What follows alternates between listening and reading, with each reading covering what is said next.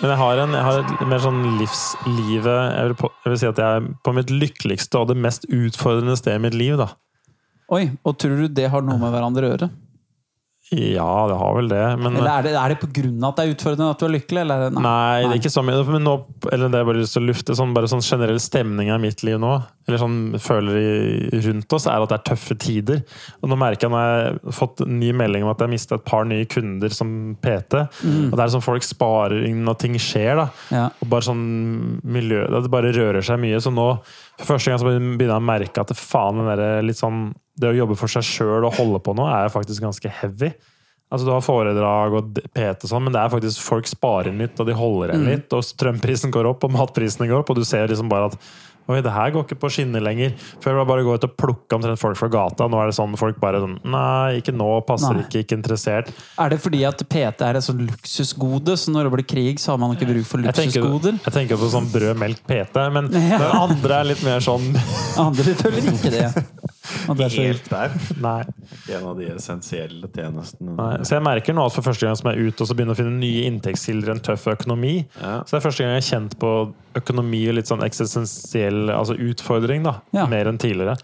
Uh, og at det å være småbarnsfar Hadde, hatt, hadde begge vi vært selvstendig næringsdrivende hjemme, Så hadde vi ikke så vært stress, nei. da hadde, nei, da hadde vi vært bankerott snart. Eller sånn. Å, ja, det du sa, ja, ja, nei, jeg tenkte feil. Jeg bare tenkte Hvis dere ikke hadde hatt barn, så hadde det ikke vært så stress, kanskje? Er det derfor Nei, det, Nei. det er mer med sånn leilighet og alt. Men poenget er hvis du er selvstendig næringsdrivende, du får null hjelp.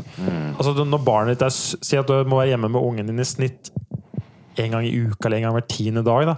Du taper jo så mye penger, har du ikke arbeidsgiver, så du er så fucked. Jeg blir så fucka hver gang det skjer noe. Ja. Men samboeren min kan jo være hjemme og få betalt, men faen, du blir jo helt ødelagt. Vet du. Det samme skjer med meg nå, for nå er hunden eh, syk, og jeg, og jeg eh, er ikke på Ja, det er helt ekvivalent. Ja, det er helt ekvivalent. Uh, ja. Men at da Det er jo så jævlig dyrt, vet du. Det er så helvetes dyrt. Nå har jo heldigvis forsikring det er faktisk verre enn din situasjon. Det er mye fordi at du, det, Fordi at det er gratis helse, helse for, for ja. menneskebarn, for de er liksom mer verdt eh, enn hundebarn. Speciest. Ja. Men eh, ja, selvstendig næringsdrivende, det er ikke noe særlig, nei. Nei, jeg, synes, altså, jeg skjønner ikke hvis, hvis du vil ha et framtidens arbeidsmarked som ivaretar nye ideer og nye måter å jobbe på, så kan du ikke st regelrett straffe folk som ikke har lyst til å være del av et AS eller en organisasjon. Da. Du, får nest, du får ikke noe tid, ekstra tid til å være hjemme med barn når de er syke. Du har ikke noe buffer. Du må forsikre deg for alt. Og ja, du kan starte et AS, og sånn, men i visse tilfeller så er det ikke helt gunstig økonomisk heller. Du blir liksom, betaler så mye avgifter og skatter da, at det bare, jeg syns ikke det gir mening. Men hva med sånn sykeforsikringer? sykeforsikring? Er ikke det man kan ha da, som selvstendig Men det gjelder ikke for barnet ditt. Nei, så ikke sant? det gjelder for meg. Ikke sant? Så, så fort barnet mitt er sykt, så er jeg fucka hvis ikke jeg har en samboer eller noen andre som stiller opp. Ja. Jeg bare synes det er bare så Det er jo tåpelig. ikke, det er jo ikke rigga samfunnet for selvstendig næringsdrivende i det hele tatt. Det vil jo nesten, altså det virker som du vil ha at du skal være gift, og så skal du kjøpe din egen leilighet, og så skal du være ansatt. Det er det du skal være. Du skal ikke være noen ting annet. Det er det eneste som gjør at du kommer smidig gjennom hele greiene uten å blø som et helvete. Men burde man få fri fra jobben når bikkja er syk? Kanskje. Det er spørsmålet jeg lurer på i dag. Jeg vil si ja, fordi bikkja er en viktig del av din mentale og fysiske helse, og for del av familien din. Hvis bikkja di dør, det er klart du får en ganske heftig knekk, så det ivaretar det du er glad i. Er jo til, det er gagner jo alle, så jeg, mitt svar er ja. Det er hyggelig med han fyren nede på Dressmann og bikkja har dødd. Og ja, jeg har lyst til å kjøpe dress av han. Det er ikke så hyggelig, det. Han er helt knekt. Det er jo, til, det er jo ingen Hylgriner bak kassa. Ja. Eller satt seg inne på sånn der, eh, der du bytter Ja. klær. Bare gått inn i en av de sitter og hulker. Men ja, ja. Nei, men altså, jeg kan jo si at uh, har du, er du ansatt, så avspaserer du jo bare tida når du er fast. Du trenger ikke engang få fri for å ta bikkja. Men det er hjemme med sjukt barn er jo også lov. Det er jo bare helt innafor. Men med bikkje, så Jeg har jo tatt bikkja på til dyrlegen. Jeg har bare avspasert de timene. ja. Det er jo ikke noe De aller fleste jobbene så er jo det ikke Men, noe eh, problem i praksis. Jeg tror bare at uh, Men det er vanskeligere sagt, liksom. å være selvstendig næringsdrivende. Du har mange sånne ikke- ting du må Du har ikke noe den derre sikkerheten. Nei. Det er stressende det med Det er så mye gærent med å være selvstendig næringsdrivende. For at du har aldri stabil inntekt eller trygg inntekt. Du må liksom tjene det samme på nytt igjen hver måned hvert år.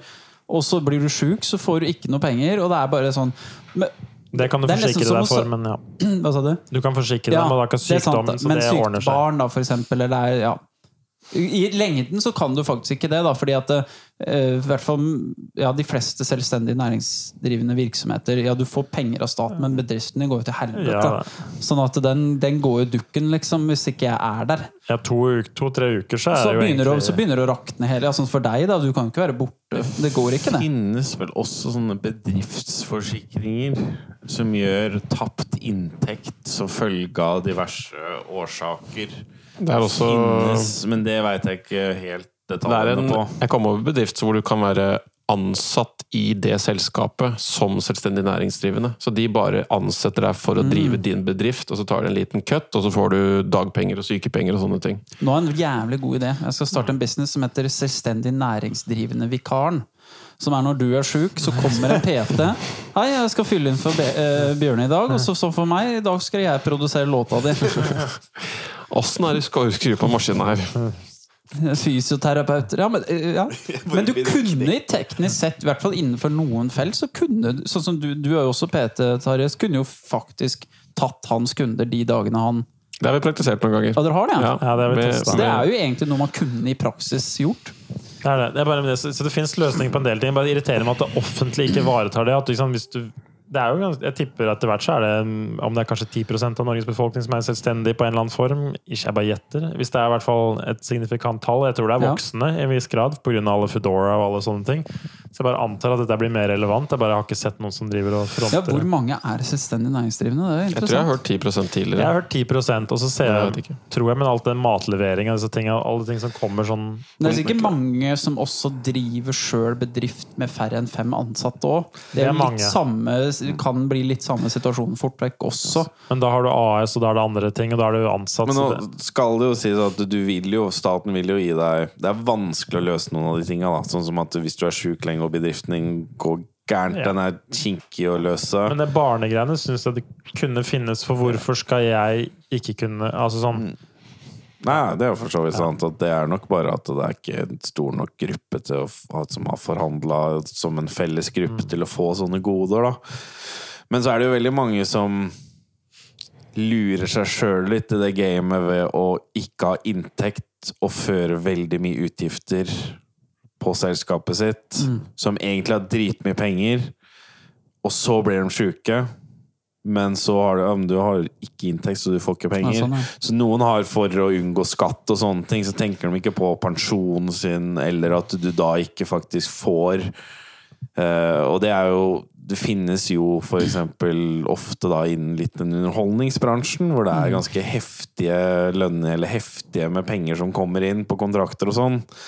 At det liksom ikke synliggjøres alltid godt. Og da, hvis du blir sjuk som en sånn entertainer, så er det jo Det er, trick, det er vanskelig å løse, da. Ja. Som sånn samfunn, åssen du skal Jeg har sånn få definert de godene, men jeg er enig i at det er jo klart at det er noen sånne ting er jo, burde jo vært flere rettigheter innenfor sånt. Da, sånne veldig basic ting. ja. Av prinsipp så jeg fører jo ingen utgifter av, av det prinsippet. Eller har mest mulig grunnlag til foreldrepenger og skatt og sånn, pensjon og sånne ting. Så, men det er bare min Ja, det er måte å gjøre det på. ja. Eller det er- planlegger du nå at du skal bli sjuk i hermetegn for å bare cashe ut? Men du får mer boliglån, du får bedre pensjon, du får bedre grunnlag for sykepenger. Men da betaler du mer skatt, ikke sant? Ja. Hvordan, eller har du regna på, på en måte fordelene og ulempene med å skrive av ting? Eller det er kanskje ikke så mye du kan skrive av uansett? Ikke så mye, eller? er veldig lite uansett, så jeg bare kjører all in på inntekt, og så bare bestemmer meg for at jeg gidder ikke. Jeg vil heller ta det igjen i, i på en måte de pensjonene og de andre godene jeg Som kan. PD tror jeg det er veldig lurt. Det finnes sikkert bedrifter hvor det er mindre lukrativt. Du, Hvis du bikker et nivå, så er det lurt. Ja. Men hvis du ligger på sånn et sted mellom fem og sju, åtte, ni, så er det ikke noe vits. Da er det- greit å holde høyt. Men hvis du bikker liksom en mil, halvannen og sånne ting, Ja, da er det ikke lurt når å ta hele. og sånn, så da får du ikke noe særlig pensjonspoeng. For da får du bare sånn halvparten over 750, eller noe, så får du sånn half, eh, altså halvparten av Det er for så vidt sant at det er nok lurt å bare um, holde inntekta også, fordi at du får jo ikke dekka over et visst beløp. Nei, nei, det Så er det jo det er jo veldig mange som tjener veldig godt i vanlige jobber òg, som da også har lån og ting og er helt på terskelen, og så blir de sjuke. Men så dekker jo bare Staten dekker jo bare Jeg tror det er fem eller seks ganger grunnbeløpet, er som, er, ja. ja, som er sånn litt 500 og noe Seks- 550 til 600 000. Så hvis du tjener halvannen mil, da, og du har forbruk deretter og lån deretter, så tåler du ikke å bli sjuk. Fordi at Men lever du man da litt over evne? Da lever du over evne, men du, tar, du tenker ikke over det. At du, du lever i, i risikosona. Men det gjør ikke en som er på snittlønna. Men det er dekt, en samme del arbeidsgivere dekker diffen, da. Ja, det, Det finnes jo noen, det, men det varierer litt. Da, men det er i hvert fall greit å være litt sånn uh, Ja, det er bare en Hvis man var- er gift Man har ikke, man har ikke hatt sånn eh, delt inntekt, holdt på å si, at vår totale inntekt er det vi skatter av. Jeg har aldri vært gift. Prinsipielt så vil jeg ikke bli gift, for jeg vil ikke falle inn i et system som skal favorisere visse grupper mennesker. Nei. Som er Nei, men jeg har ikke lyst til at, eller ja, ja, nei, men, nei, men jeg har ikke lyst til at noen skal få fordeler. Hvis, hvis jeg har lyst til å være singel resten av livet, så bør ikke jeg straffes. Nei. Nei. Så det er på en måte prinsippet vårt, eller vårt Ja, ja. da vi deler, at vi vil ikke gå inn i et system som er Hvorfor er har man det sånn at det er fordeler for å være gift? gammeldags. Det Er er det jo bare å sikre unger. Sikre okay. familien, og at unger vokser opp uh, under gode kår. Men det Det blir det er jo- ikke sikkert om jeg er gift nå eller ikke, tror jeg. Det er ikke noe, for ikke blir noe mer Nei, men sikkert. det er jo, det er noen, noen ting som føles gammeldags, og så er det noen ting som er sånn Du tenker ah, det er fra sånn 1900-tallet og 1800-tallet, men det er sånn, kanskje det er mer sånn Kristus. altså det går det er litt sånn steppelandskapet med mongolerne. altså det, Ting går lengre tilbake enn vi tror. og det, Jeg tror det er mye det at du skal Stabilitet. at du, skal, du ser at samfunnet holder bedre sammen når folk er sammen. Men nei, var det ikke mer en sånn bytte eiendeler og sikre videre måte, Jo, det var stabilitet. Det. Ja, Jo, men det er stabilitet. Så det er, jo en, det er jo gode grunner til noen av disse tingene. Og så er det litt sånn, ja, I moderne samfunn så har du liksom ikke samme risikoen, for du driver liksom ikke å utveksler gårder, og du driver liksom ikke og utveksler 16 kyr og to sauer og sånne ting når du bytter, byttehandler kone og sånne ting. Men jeg tror akkurat det med at folk burde holde sammen, det er best for samfunnet. Men det er jo litt sånn at jussen henger litt sånn etter. Ja, men det må jo være greit å være singel hvis du vil liksom det, og ikke det blir noe ja, ulikheter, mener jeg, tenker Altså, jeg da. Hadde et godt trading-system hvor vi drev og trada koner og sånn på marked. På Finn Begynner vi å snakke. Det var nice. Kan Det som er kjipt, er at den aksjen, du har, den aksjen du har til enhver tid, da, som er da kona di, Ja. den går ned i verdi for hver dag. For du blir styggere og styggere. Så du må på en måte hele tida trade, prøve å trade opp denne stygge kona di til en litt grann penere kone. Og så vil den pene kona bli litt styggere, og så må du sørge for da, at du ikke havner med ei sånn dritstygg ei. Og er du god da, så har ei 20-åring eh, når du er 50. og Men da må du høsle ved siden av, for du må legge ved assets for å kvitte deg med Ja. For å trade opp, ikke sant? Jeg tenker at man burde kunne hatt flere, da. Mm. For da kunne du hatt flere, flere assets. Ja. Jo, jo, jo. Litt sånn NBA trade. At Ja. du, jeg gir deg mine to dårligste mot din beste. Ja. Og så er det noen som er villig til å gi alle fem. Noen er kjører kvantitet og kvalitet, og ikke sant? Og så legger jeg på et fenalår på sida. Du kan få den ene ungen som er har med hun ene. Den kan du få med. Han er faen meg smart. Han, han lover deg 20 år. Den er ikke like smart, men god arbeidsmoral. Kan vaske, kan bygge ting. Det er litt sånn greit å ha hjemme på en måte til å gjøre vanlige daglige ting. Han er, er faen meg stabil. Han stiller ikke spørsmål om noe, han. Bare be ham om å brette klær, så står han og bretter i Ikke mye språk, men trenger du det? Ikke nødvendigvis. Du må spørre deg sjøl hva er viktigst for deg. Kløyve ved? Eller spørsmål? Skal han si noe? Du har jo allerede to-tre som prater med. Du trenger ikke én til. Men du, Bjørn, det med at du ikke vifter deg, er det da kjæresten din også? Hun er også med på den tankegangen? Ja, vi har begge investert i den Hun du tanken. dater som dere har barn med, hun Partneren min, kaller jeg. Partner. Partner blir som tatt av de homofile. Den Nei, føler jeg liksom ikke at de heterofile har helt vunnet tilbake. Ja, nei, jeg, vi bruker tar fra oss! Jeg bruker partner fordi det høres så jævlig teit ut på andre språk å si kjæreste. Sånn, hvis du har vært med noen i 20 år, så, er det sånn der, på tysk og sånn, så blir det sånn helt sånn håpløst å si. Så da sier du partner. Ikke sant? Hvis du ikke kan si mann eller kone, som er veldig sånn samboer og Nei, men Det fins ikke på tysk. Det fins ikke samboer. Det høres ut som noen du bare bor det blir, Together liver, sier ja, jeg på engelsk. det er jo litt Midtbevåner er ikke noe sånn derre ord du bruker. Altså, Så det er enten sånn mann, frau, eller så er det partner funker. Også. Sam er jo egentlig veldig artig sånn forstavelse på norsk. For sånn samleie, samboer altså Det er jo helt sånn derre Er det da sammen, liksom? ja, Det er vel sånn barnehagespråk. Det gir Hvis du prøver å oversette det, så høres det ut som en idiot. Ja. Together liver. Ja. Together lay. Ja. Jeg pleier å si når skal vi together lay til dama. Da blir jeg Ja. ordentlig tørr. det skal du ikke prøve deg på. Det er en av de tinga som du veit ikke funker. Shall we together lay? Notert. Prøve en gang iblant på ditt, da. se om det har endra seg. Ja, jeg syns det er veldig artig. Ja. Teste. Så jeg skal prøve å få meg en deltids vanlig jobb nå.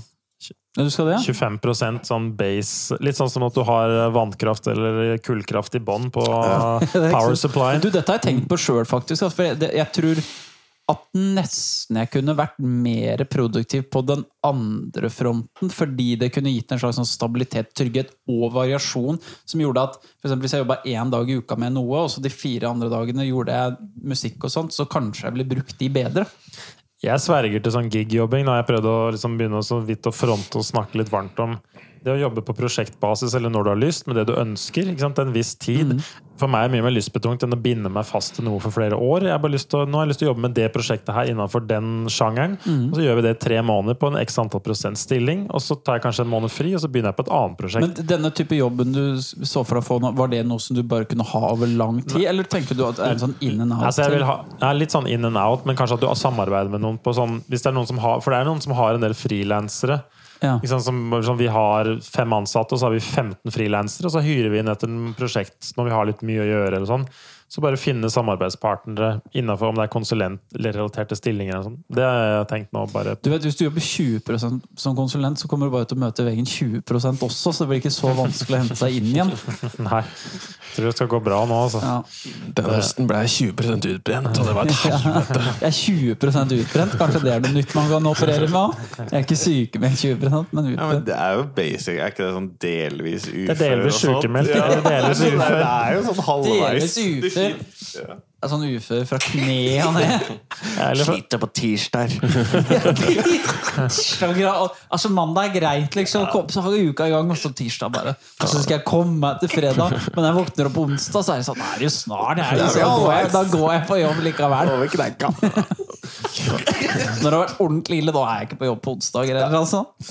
Det var en eller annen jeg hørte på En eller annen som sa at han mente at generasjonen vår er mer psykisk skrøpelig i arbeidslivet. Ja, det tror jeg. Ja. Ja. At vi Det blir veldig sånn ah, Jeg jobber to timer, nei, jeg. Ja, ja det er det jo. Vi er skrøpelige. Men Tor, ta eksempelet. Vi, når du var med på For å ta et kort backstory, så jobba jeg på Dynga, som det het. Hvor vi sorterte Dynga, søppel. flashback, Ja. dynga, dyngaspalt.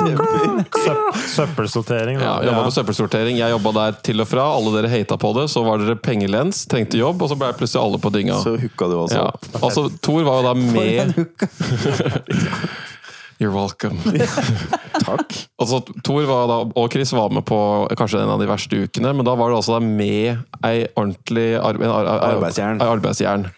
Eh, vi kan kalle henne for Kjersti. Ja. Eh, men hun var da skrøyt jo mens vi sto der og jobba uten pause på sjette timen i 35 grader med 19 000 fluer og hytteavføring som vi drev og sorterte. Så sa hun at hun har ikke vært sykemeldt en eneste dag i hele sitt voksne arbeidsliv. Å, fy faen! Da har hun da stått og sortert og bær, båret og løfta er godt. seig, altså. Men er det gamleskolen? gamle skolen? Ja. Er det det det er? Mm, og litt lavere IQ. Ja, det er det nok òg. Er. Lavere IQ kanskje blir mindre sjuk av. Fysisk sjuk, rett og slett.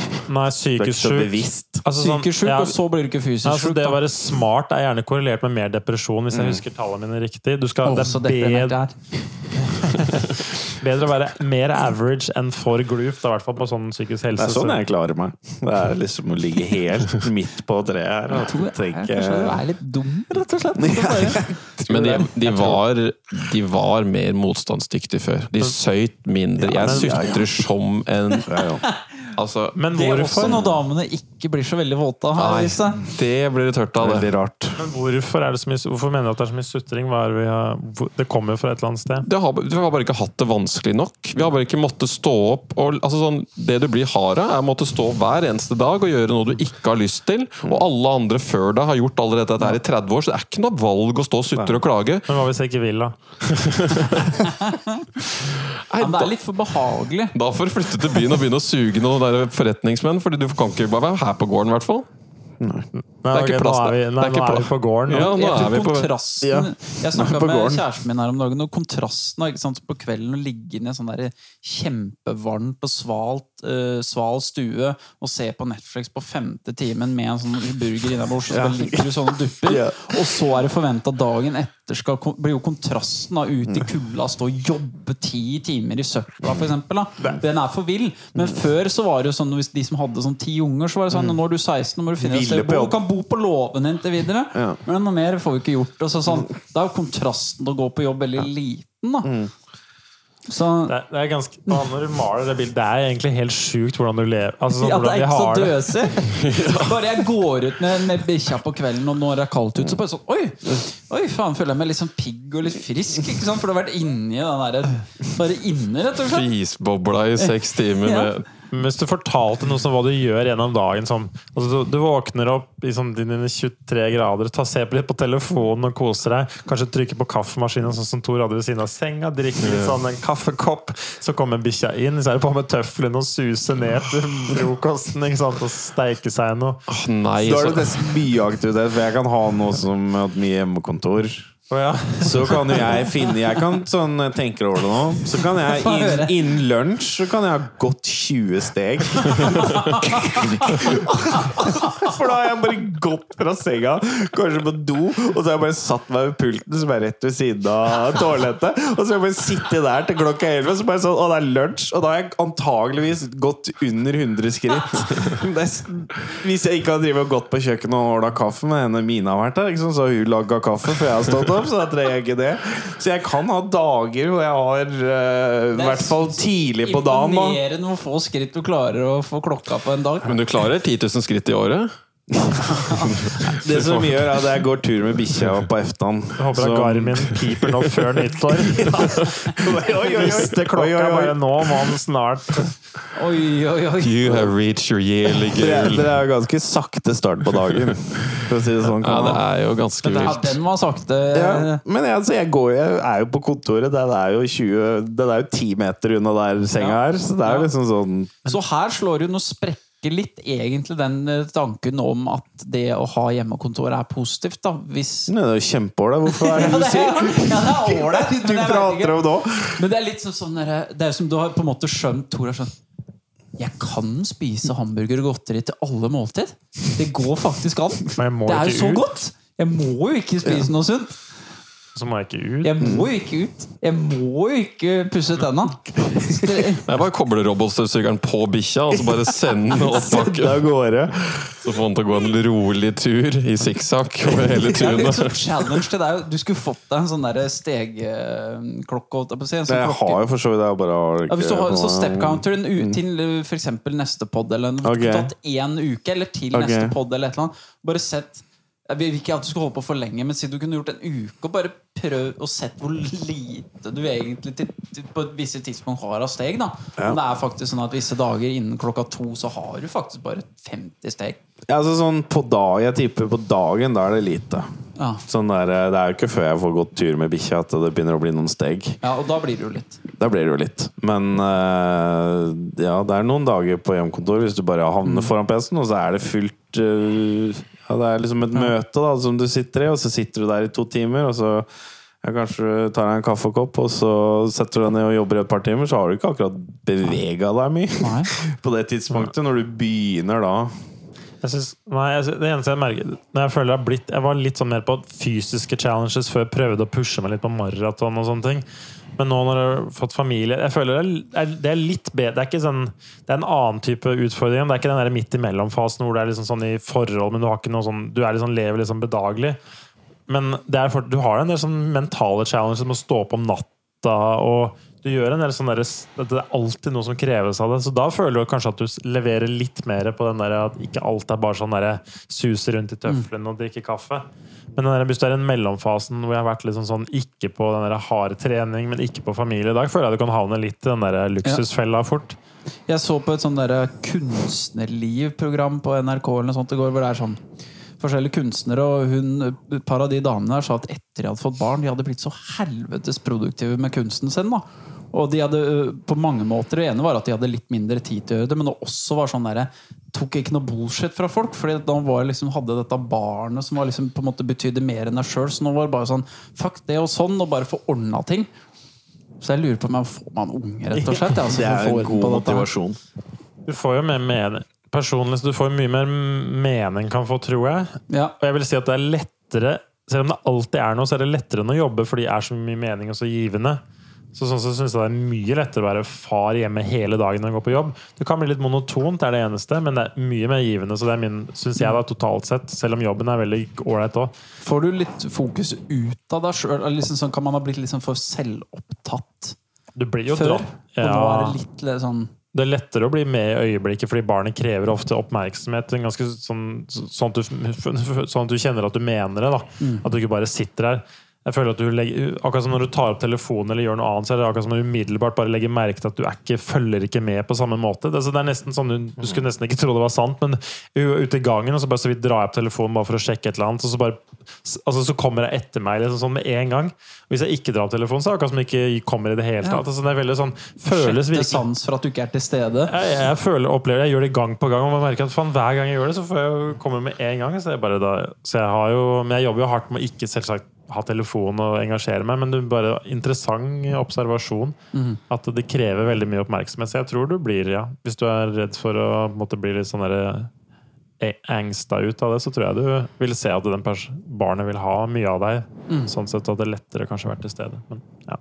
Du vil jo ha det bedre det mer du er til stede med et eller annet intenst enn altså, å sitte i ditt eget hue. Ja. Altså, sånn, både du og jeg er jo sikkert litt sånn som kan snakkes litt sjuke og, og engstelige og sånne ting. Og det, og det er jo Det mer du liksom dykker dypt inn i et eller annet foran deg, og hvis de da i tillegg gir deg en fysisk utfordring eller en mental utfordring, så vil du bli sterkere på sikt. Jeg tipper jo liksom foreldre er sikkert Altså Hvis du tar bare øh, og hva heter det sånn i økonomien, at du, du kontrollerer for alle andre variabler men bare at noen har unger og ikke har unger, så tipper jeg liksom, den kommer til å gjøre det bedre på et triatlon eller en sånn løp enn sånn uten, bare fordi du har måttet gått gjennom noe ganske hardt. Det tipper jeg nesten. Jeg så en studie hvor det ikke nødvendigvis blir lykkeligere å ha barn hvis du sammenligner folk i, i 40-åra. Sånn. Det var ikke noe nødvendigvis at de var lykkeligere, de som hadde barn eller ikke. Så det, du, begge kan funke, virker det som. Men jeg tror du personlig vil oppleve, er jo at det er jo bedre å være til stede, som Tare sier. Selv det er bedre å være til stede viser forskning, enn selv å ha positiv tankevandring. Mm. selv om du drømmer deg på stranda, det er bedre å være til stede med det som er, enn å sitte og fantasere om å vinne i Lotto. Da. Så tilstedeværelse vinner alltid, da. Um, fakt, ja. Ja, det, jeg er litt sånn kanskje i mitt mellom, liksom mellomstadiet, for nå driver jeg ganske trening mye hardere enn jeg har gjort på ti år. Og Oi. det fyller jo ganske mye Altså, jeg trenger egentlig ikke noe mer mening nå i hverdagen. Hvis jeg, har, hvis jeg har vært på jiu-jitsu nå, så har jeg gjort det vanskeligste jeg kommer til å gjøre i dag. Og da har jeg liksom alltid en mye bedre dag. Jeg er mye rakere i ryggen, har det bedre, sover bedre. Alt er liksom mye, mye, mye bedre. Mm. Bortsett fra hvis du stopper på bussen og tar noen jævler for å være sånn frekke eller høylytte og snakker hardt, sånn som du har drivet og om. har ikke helt har ikke Har ikke kommet dit ennå. Nei, jeg har ikke helt kommet dit ennå. Jeg, jeg er hyggeligere enn folk. Altså, jeg er mer sånn Jeg holder litt mer dører og gir folk liksom får lov til å Jeg er mer tålmodig etter at jeg er der. Jeg, jeg jeg blir litt sånn snillere. Litt sånn som jeg følte meg etter at jeg kom hjem fra USA, hvor jeg var litt sånn høfligere. Så det har blitt helt vaska Men du blir også snillere av barn. Det vil jeg skyte inn nå. Ja. Jeg tror du blir en varmere og mer kjærlig person. Det tror jeg. Så, men ja, altså, jeg tror Ja, altså, et, et trening har blitt liksom gitt på en måte all mening i livet. Også når du gjør det andre, så er det liksom sånn Ja, ja. Det er liksom ikke så farlig om det går dårlig eller bra. Eller, ikke på en sånn der lat måte, men mer at det er liksom ikke så Å, herregud, på en måte med alt. jeg trenger i hvert fall ikke å gjøre noe annet den dagen for å føle at jeg har fortjent den dagen. Ja. Jeg var sånn, sånn personlig at jeg sliter litt med å bare sitte stille og ikke gjøre noen ting. Det er bare noen ting jeg ikke har øvd så mye på. Så er det sånn, Hvis jeg ikke har gjort et eller annet, så er det sånn «Ah, I dag burde jeg gjort et eller annet produktiv, eller en eller annen sånn der djevel på ryggen som du skal jakte unna. Men har jeg gjort det, så har jeg gjort alt som jeg trenger å gjøre den dagen for å ha en bra dag. Men det er, det er, men det er bare litt sånn Det er vanskelig å forklare, egentlig. Er, jeg har aldri drevet med noe som som har lært meg så mye om meg sjøl og liksom pusha meg så mye. Så jeg, jeg mener oppriktig det er liksom det sunneste jeg noensinne har kommet over. Jiu-jitsu. Ja, jeg, jeg kan ikke komme på noe som jeg har gjort som er liksom bedre for meg noensinne i hele mitt liv. Ja, og er dette her fordi det er så Filosofisk. helvetes slitsomt, eller er det fordi det er så vondt, skummelt, farlig jeg tror det bare fyller så mye sånn primale behov som du, ikke, du får ikke dekka på et, et treningsstudio. eller noen ting. Så du har, det er masse folk rundt deg, du blir kjent med veldig mange. Alle er veldig hyggelige fordi de også går gjennom en hard ting. Stort sett møter du de kuleste folka på de hardeste tinga. Sånn, klatrere var kjempehyggelige, de som driver med liksom, dykking, fridykk altså Ting som er litt sånn halv, bitte litt skummelt farlig, slash vanskelig, altså sånn utfordrende, det er de hyggeligste folka. Så du møter en klan. Du kan liksom kalle det, du er liksom med i gruppe, du er intim på en måte som du ikke får i hverdagen, i hvert fall ikke i voksne liv, hvor du liksom klemmer folk og dytter og high fiver og sånne ting. Så du er til stede. Du må være til stede, sånn absolutt, ellers så får du ikke med deg noe, og så bare plutselig så ligger du med trynet i, i matta. Du blir dritsliten kondis. Eh, og så er det et eller annet sånn at du bare syns det er moro, da. Min, jeg, tror grunnen til, jeg tror grunnen til at kanskje du liker det så godt, i tillegg til at det er fysisk, det er det med, med nærhet. da. Jeg lurer på om du får en så høy oksytocin-spike, fordi det er frivillig nærhet i oksytocin-spike. Så Hvis jeg holder Tor i hånda, han syns det er ålreit, i- hvis vi begge syns det er ålreit i Gitt sånn- at det er ålreit! Gitt at det er ålreit. Så jeg tror det er sju, fem eller sju sekunder, så får du en markant endring. Så jeg lurer jo på da, når du har frivillig nærhet til andre mennesker Du snakka om å være litt sånn kald og inneslutta og sånn. Det at du faktisk får nærhet til andre mennesker på den måten, lurer jeg på om det, det gjør noe med flere hormonparametere som gjør at du faktisk føler deg mye lykkeligere mye Det er nok Det ikke at kan det er at du så har tøft. til Det kan er du finne kosinga. medisin spesielt for deg også. At det er sånn ekstra effektfullt på deg. Ja, og så, blir, så blir du veldig hekta på det fordi det er så utfordrende. Så det er som å lære seg et språk eller begynne å liksom game eller et eller annet sånt. Du kan liksom levele opp karakteren din så markant, og så er det veldig sånn og så er Det er kanskje det som er mest synes jeg kanskje var det deiligste med det, som er litt sånn indirekte. For det, det utvikler seg Det er jo bare sånn en linse du ser på en måte livet gjennom, så er det litt sånn en interessant ting å få inn i livet i 30-åra. Men etter å ha gjort det, så har jeg følt at jeg har fått bedre tålmodighet med de andre prosjektene mine. fordi hver gang jeg kommer på trening, så tenker jeg ja, dette her får jeg til, dette er dritlett. Det er bare å gjøre de greiene der. Og så bare blir det smelt i bakken, og så er faen, er det så vanskelig? Det ser jo så lett ut! Skal faen være mulig å få til det der? Og så går det ikke. Så må det dukke opp hver gang. Blir litt bedre, litt bedre, litt bedre. Så det har bare gitt meg kanskje en sånn litt mer sånn struktur som jeg kanskje aldri helt følte jeg fikk fra ballidrett og sånne ting. Så det har bare liksom det har bare gitt meg litt annen horisont på prosjektet, føles det litt som. da. At det er bare sånn show-up, og så blir Du slått ned, og så bare, bare stopp. Og Dukke opp tre ganger i uka, det er ikke noe sprint, det er maraton. Du må bare dukke opp, dukke opp, dukke opp, dukke opp, dukke opp, så blir det litt bedre nesten hver gang. Blir du noe sinna på noe tidspunkt eh, der? Er det sånn faen, liksom, du, når han fikk tatt deg litt ordentlig der, og kanskje rappa litt borti med albuen, og det var Du kjenner at han tar i Faen, var det nødvendig å ta i så mye? Du blir litt forbanna noen få ganger. Det, det kommer litt an på energien til den andre, men de, de dårligere beltene, sånn som jeg er hvitbelte, de er litt sånn spastisk og litt sånn Ja. kaos og sånne ting. Så hvis du Så de som har erfaring, er, er ikke så jævlig De har alle liksom gått gradene, så de er ikke sånn kaos og drittsekk og sånne ting. Du møter nesten aldri noen som er drittsekk som er høyere belter, egentlig. Du kan bli jeg blir irritert på meg sjøl, bare sånn faen at jeg har havna i den fella igjen og igjen og igjen. Men egentlig, du lærer egentlig bare mer om deg sjøl. Altså sånn, hvorfor går ikke jeg inn i rommet og hilser på alle? Er det fordi jeg er beskjeden, eller er det fordi jeg ikke har lyst til å ta plass? Hvorfor blir jeg forbanna når han gjør det? Er det fordi jeg Gjør du det nå, da? Jeg ser meg, jeg, det er fascinerende. Ja, du går inn og så bare hei, Går de inn og så bukker og nikker og og og er handshaker liksom så for meg. Ja, jeg prøver mer. Egentlig det er noen trenere som er litt harde på den andre, som sier liksom, ja, vi har visse regler. Du skal inn her, og så skal du liksom gi litt respekt når du kommer inn. Så skal du gå og hilse på han som er høyest, og så skal du gå nedover rankene. Liksom sånn, Høyest! altså høyest i belter, oh, ja. beltegrad. Og så er det andre som gir litt mer faen, så alle har forskjellige stiler. Men det, er noe sånn, det er litt mer sånn tidløse ting som Vi har, vi har null tradisjoner. Jeg har null ting som holder meg i- Altså, jeg er er så fritt menneske som du overhodet kan bli. Men så det er liksom ikke noen steder i livet hvor jeg lærer tradisjoner på et eller annet vis. da. Så det Burde, er- jo du kunne godt vært i militæret og kanskje hadde fått mye ut av det òg. ja, jeg tror kjempe, akkurat det samme. Jeg tror alle burde vært i militæret. Jeg var ikke i militæret, men jeg tror absolutt faen meg alle burde vært i militæret. Tror vi sneik oss unna noe der som vi burde egentlig ha vært. Jeg er fortsatt fornøyd med valget mitt. Jeg fikk idrettsfravær. Ja. Mm. Det var liksom sånn det var, jeg, var ikke, jeg, var ikke, jeg følte at det var nok Army. Faen, eller drive og spille basket i USA. Ha én til to treninger om dagen og vektløfting. Ja, ja. Og trene faen meg helga klokka åtte om morgenen så du ikke skulle gå ut på fylla. Det var jo ganske Oi. Altså, De la det jo opp sånn at det skulle ikke være mye rom for moro og kuking. altså. Men det du sa da, er vi veikere? Ja, for det er jo nesten ingen som, det er ingen som går i militæret. Så hva er det, du, hva er det vanskeligste du gjør? da? Du, du blir født, og så lever du veldig komfortabelt liv, kanskje spiller litt idrett, og så blir du konfirmert, og får du 50 000 for å dukke opp i ei kjerke som du ikke tror på. men ok, vi la oss bare si at Ja.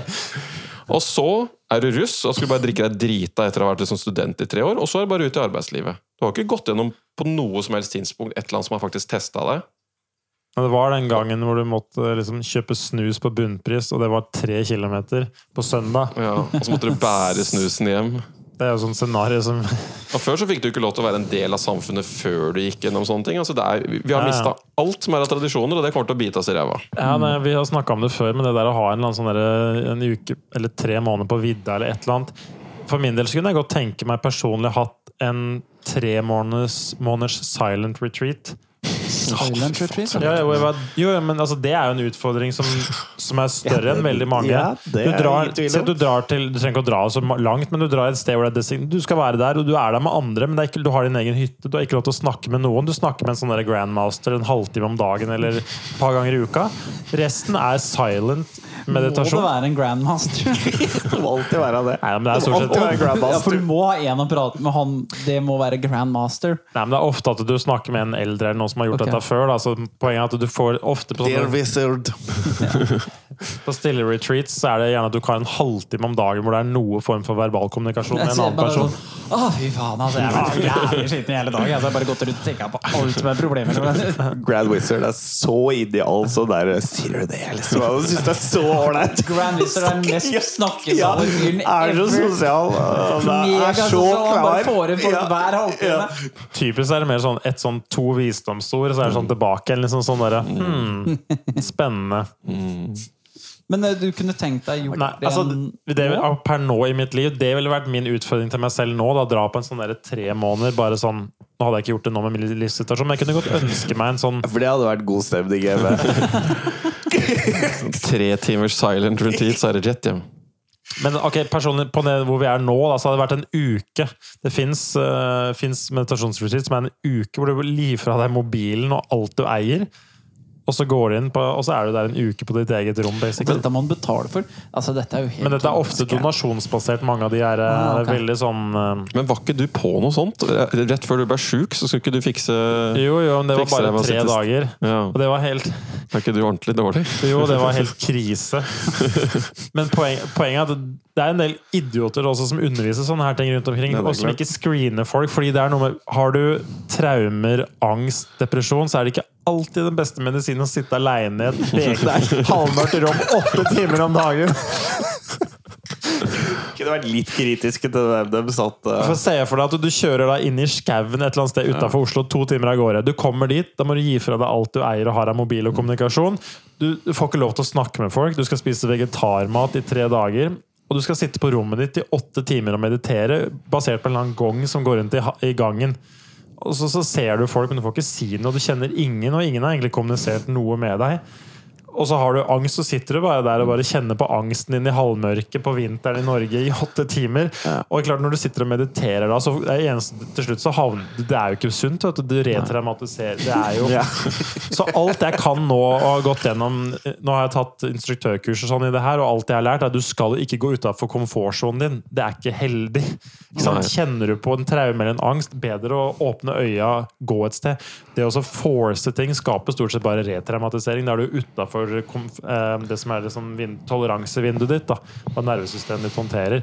Så det er ingen som fortalte meg noe sånn shit. ikke sant? Så jeg ble bare kjørt hjem igjen etter et halvt godt tid, for jeg var bare sånn dritødelagt, vondt i huet og redd og sulten som faen. Og bare spist sånne kalde bønner og sånn.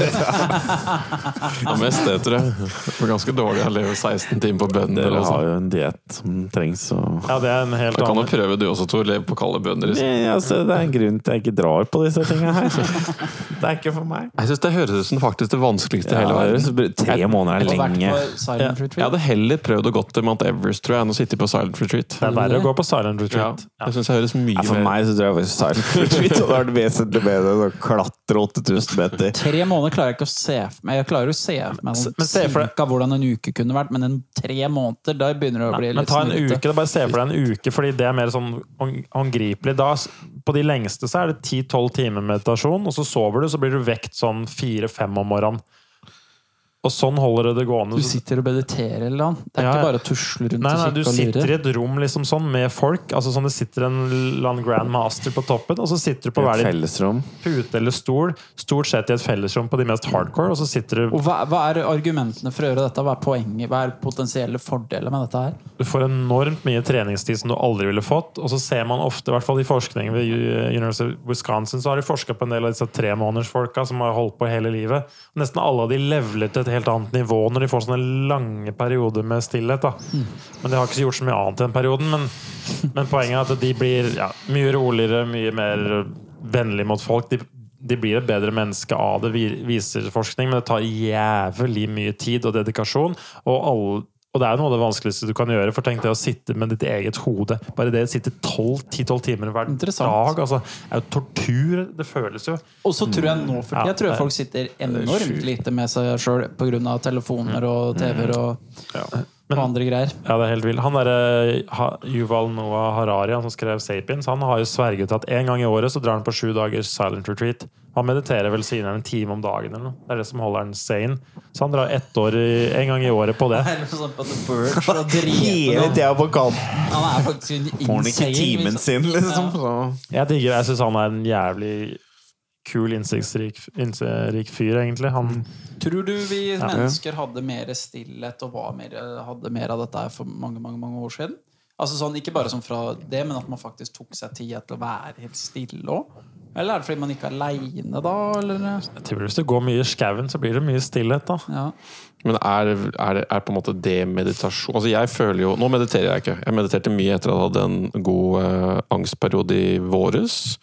Brukte mye pusting, og det hjalp, tror jeg. Altså, vanskelig å si hva som hjelper. Tid gikk forbi. Altså, det, det er masse sånne ting som er helt umulig å si. Men jeg syns ikke det er så veldig gøy. Jeg hadde noen opplevelser jeg syntes det var sånn ordentlig euforisk og kunne være spennende. og det var liksom, Du kom i touch med, kom i kontakt med liksom følelser hvis du gjorde visse typer ting, som var, litt, var fint. men Eh, så tok jeg litt sopp, syntes det funka bedre, og så, og så gjorde jeg det et par ganger. Og så har jeg ikke hatt noen problemer siden.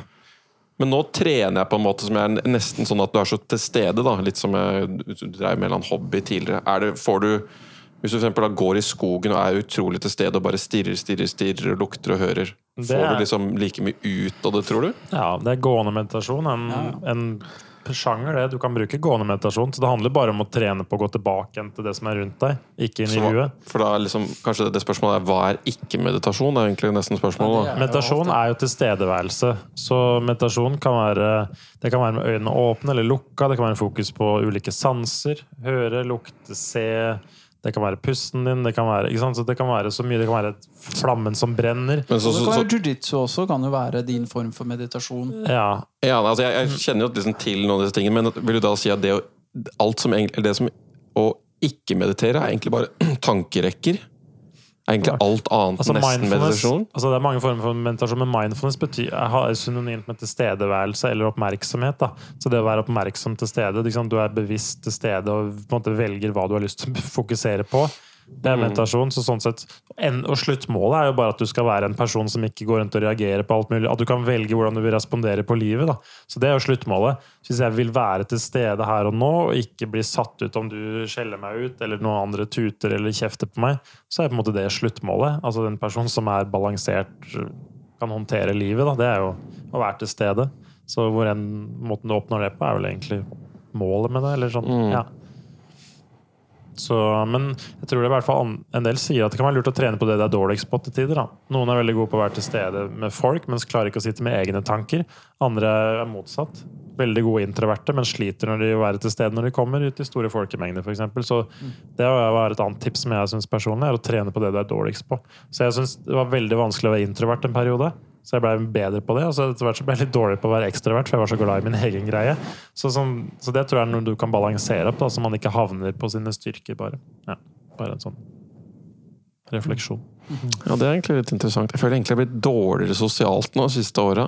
Treningssak. Ja, det er treningssak. Og har falt ut av. Altså, jeg, jeg får det liksom til, men det er litt sånn, en sånn kombinasjon av ikke interessere meg, så du er liksom pre-ekskluderer mye muligheter. Og Det er litt sånn sneaky mindset, og at du begynner å snakke til deg selv at faen, det her er kjipt, og bare dette suger, og sånn. Du har mye du kan si. Bare min holdning når jeg går i si, en familiemiddag et eller annet sted, da. jeg kan gå i en sånn der, åh, dette blir litt sånn tomprat, bla, bla, bla. Eller du kan prøve å skru på sjarmen og lage dumme vitser, grove vitser. Det er det min mest forsvarsmekanisme. Det er sånn duk-over-i. Hat! Ja, men det, altså, men det synes jeg Av og på-knapp. Men det syns jeg også er litt sånn Er ikke det litt, litt sånn rart? Fordi jeg føler hvis, hvis jeg driver og tar jokes, for det er også litt sånn defaulten min Enten så er jeg interessert, nei, enten så er jeg ikke interessert, eller så drar jeg vitser. Ja. Men det å dra vitser er jo på en måte litt sånn, litt sånn egoistisk måte å være i et rom på. Er, er litt, Men det er jævlig mange egoister i det rommet òg, som setter Ja, seg på med disse lange historiene sine.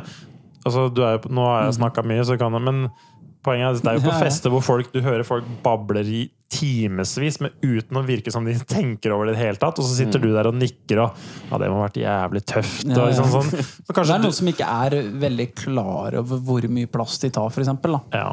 Kanskje du, altså Det at du tar litt plass, kan jo hele tatt gagne det fellesskapet. Hvis du sitter inne der bare ah, fuck Det blir mer sånn nå er du stille litt, og så prater vi noe annet. Ja, jeg tenker at det kan være godt for fellesskapet hvis alle føler at de er litt engasjert og investert da, gjennom å si ja, dele litt og sånn. Men ja, det er treningssak. Man blir ordentlig skikkelig dårlig på det. Blir du Jeg er som en ulv om dagen. Altså, jeg klarer jo nesten ikke å snakke med folk. Etter. Du angriper andre ulver, kjenner jo ikke en andre enstøyer engang. Du. Tror ikke jeg, er tror ikke jeg er samme rase engang. Hva faen er- helt du ute å kjøre. skauen og klikker. Hva faen er det borti der, da? Er det folk i skogen min? Hva er det han driver med borti der, da? Leverer han post?! Blir paranoid oppi der. Jeg skal vel ikke pass i dag. Ja. Det er morsomt med en kommune med sånn 2000 mennesker og har en egen sånn 100 mål med skog. Så jeg klikker, og så jeg går inn i her med Vil du Stjeler post av meg?! Nei, jeg leverer leverer det er du leverte i dag òg, ja. Skal slutte å si det. Men sånne på sånn derre Nåkon ikke kunne bu-program, der er det noen som bor langt ute i hutta, og da er de jo aleine lenge, og kanskje de prater litt med seg sjøl, men det er jo på en måte en silent retreat, disse enstøingene som bor sånn aleine. Ja, du kan jo, Det er noen som det er faktisk, Visste du at det er sånn studie at folk foretrekker faktisk å, å få med sånn mild tortur enn å sitte med sine egne tanker over lengre tid? Ja. Så det var en studie som så på vil du heller få litt sånn mini-strømsjokk enn å sitte i stillhet i 15 minutter. Så valgte folk stort sett strømsjokk. altså Det var mer å foretrekke. da Oi. Så jeg tror mange vil også prøve å være travle mye for å okkupere Bjørn er litt det samme da. med familiemiddag og sånt. Sett meg strømmaskin. Sett meg, ta, eller, sett meg strømstolen, jeg orker ikke! Men jeg syns det bare var finurlig at det vanlige folk syns det er Sitter og sutter på sånn 8 volts batteri og sånt.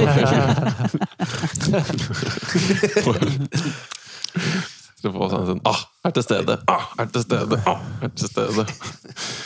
Jeg vet ikke hva vi tar med Jeg bare prøver å finne ut hva vi tar med oss. Jeg reflekterer litt over hvordan vi, jeg prøver å leve sånn, sånn at man ikke blir for veik eller for sånn. Eller, det er bare sånn fascinerende å reflektere over. Ja, Lurt det å utfordre seg. ja litt grann, Vi mangler litt sånn. Altså, det hadde vært Problemet Prøv å leve med nå at du, du lever jo et liv som krever at resten av livet Altså Hvis du bruker halve livet ditt på jobb, så må du bruke det halve andre eh, 50% resterende tida. Det må du bruke på å veie opp for all den møkka du bruker de andre åtte timene på.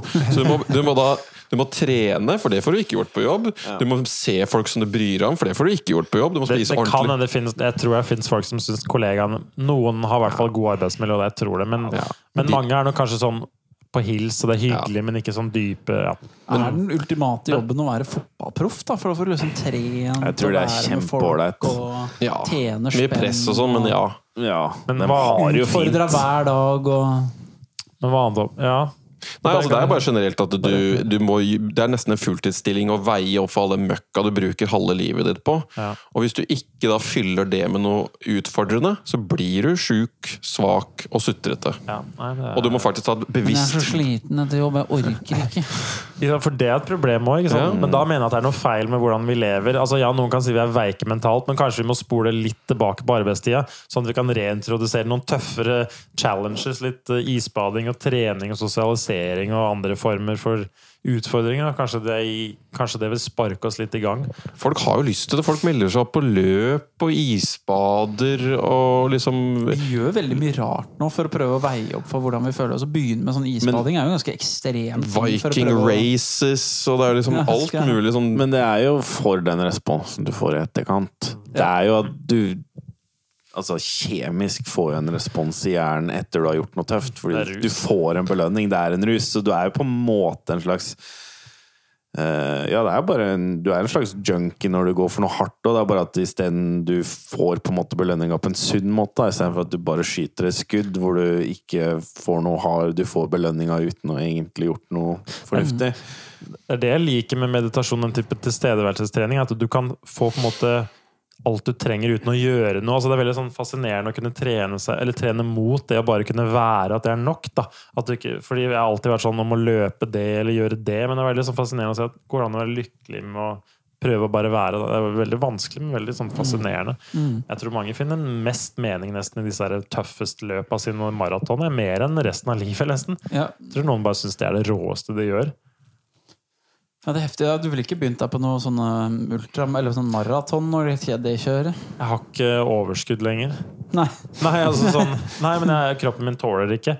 Eh, Med liksom sånn familie, barn, jobb og liksom hverdags og livets stresser og få ting til å gå rundt, så, så sier faktisk kroppen min ifra at bare Du sover ikke nok. Du har ikke nok Jeg ligger jo ikke på sofaen ett minutt i løpet av en dag.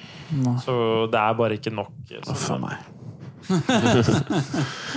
altså, Jeg får helt vondt av å tenke på det. jeg kunne fått en time En god time kunne jeg fått. En sånn kvalitetstime, en hel kvalitetstime kunne jeg fått, men da velger jeg ofte å rydde, vaske, gjøre bitte litt jobb. Hvor mye sover du hver natt i snitt? Jeg tror klokka mi sier nå Jeg har klart å få det opp til 7.20 eller noe sånt nå. Ja. Ja, da begynner det å bli Så begynner det å bli levelig. Men jeg, nå har det vært litt sjukdom, så nå har vi vært nede på fem i snitt. Da blir den litt rar i huet, altså. Da blir du litt gåen. det gående. Men det, du, på tre-fire dager så går det, og så veit du at du kommer gjennom det. Men jeg, men jeg, så jeg legger meg grytidlig, da tar meg naps og prioriterer jo det. Men ja, så Nei, det er um, Så det, jeg syns det er mye mer krevende enn noen gang å liksom skulle trene som toppidrettsutøver. Det er bare drit i for min del, altså. Hvis du, Ja. nei, jeg vet ikke, jeg, skal, jeg føler jeg har snakka mye i dag, så jeg skal ikke dra den. Jeg tror ikke det er bra engang. Ja, at du Å trene som en toppidrettsutøver? Nei, det er det Når du kanskje du har den du trenger jo Da trenger du jo å sove godt og alle de tinga der for å ha kapasitet. Så hadde du blitt sjuk antageligvis. For kroppen din får jo ikke den restitusjonen og hvilen den trenger. Nei, altså jeg, jeg, En viktig lærdom jeg gjorde meg nå, dette her er, tror jeg er meg unikt, da, men jeg omtrent basically kutta å trene nå i de mest stressende periodene det har vært lite søvn og jobb og sånn, og jeg har aldri følt meg bedre. Ja. Det var en helt sånn revolusjonerende tanke at bare Når du er sliten, må du slappe av. Jeg slutta å trene i to måneder, basically. Ikke fordi jeg ikke hadde lyst til å trene, for jeg elsker Jeg kunne gått pumpa som Arnold hver dag, men da får jeg ødelagt kropp, så det kan jeg jo ikke gjøre uten steroider. Men Høres eh, ut som noen må begynne på noen steroider her, da. steroider hadde vært fascinerende. Liver King-style. Ja, Jeg kan ikke trene sånn, for jeg får en sånn kropp som Arnold veldig fort. Men, men bare sånn, Jeg skal bare sluttføre poenget, så kan vi herse ut de andre tinga. Men jeg bare synes det var så revolusjonerende for mitt hode, for jeg har alltid trent, og det, er liksom, det må du gjøre, og trening er for de sunne. Ja, ja. Men det var så mye mange påkjenninger i livet mitt at det å kutte trening i to måneder var det beste. Jeg har aldri følt meg roligere, mer avslappa, klarere i hodet, gladere.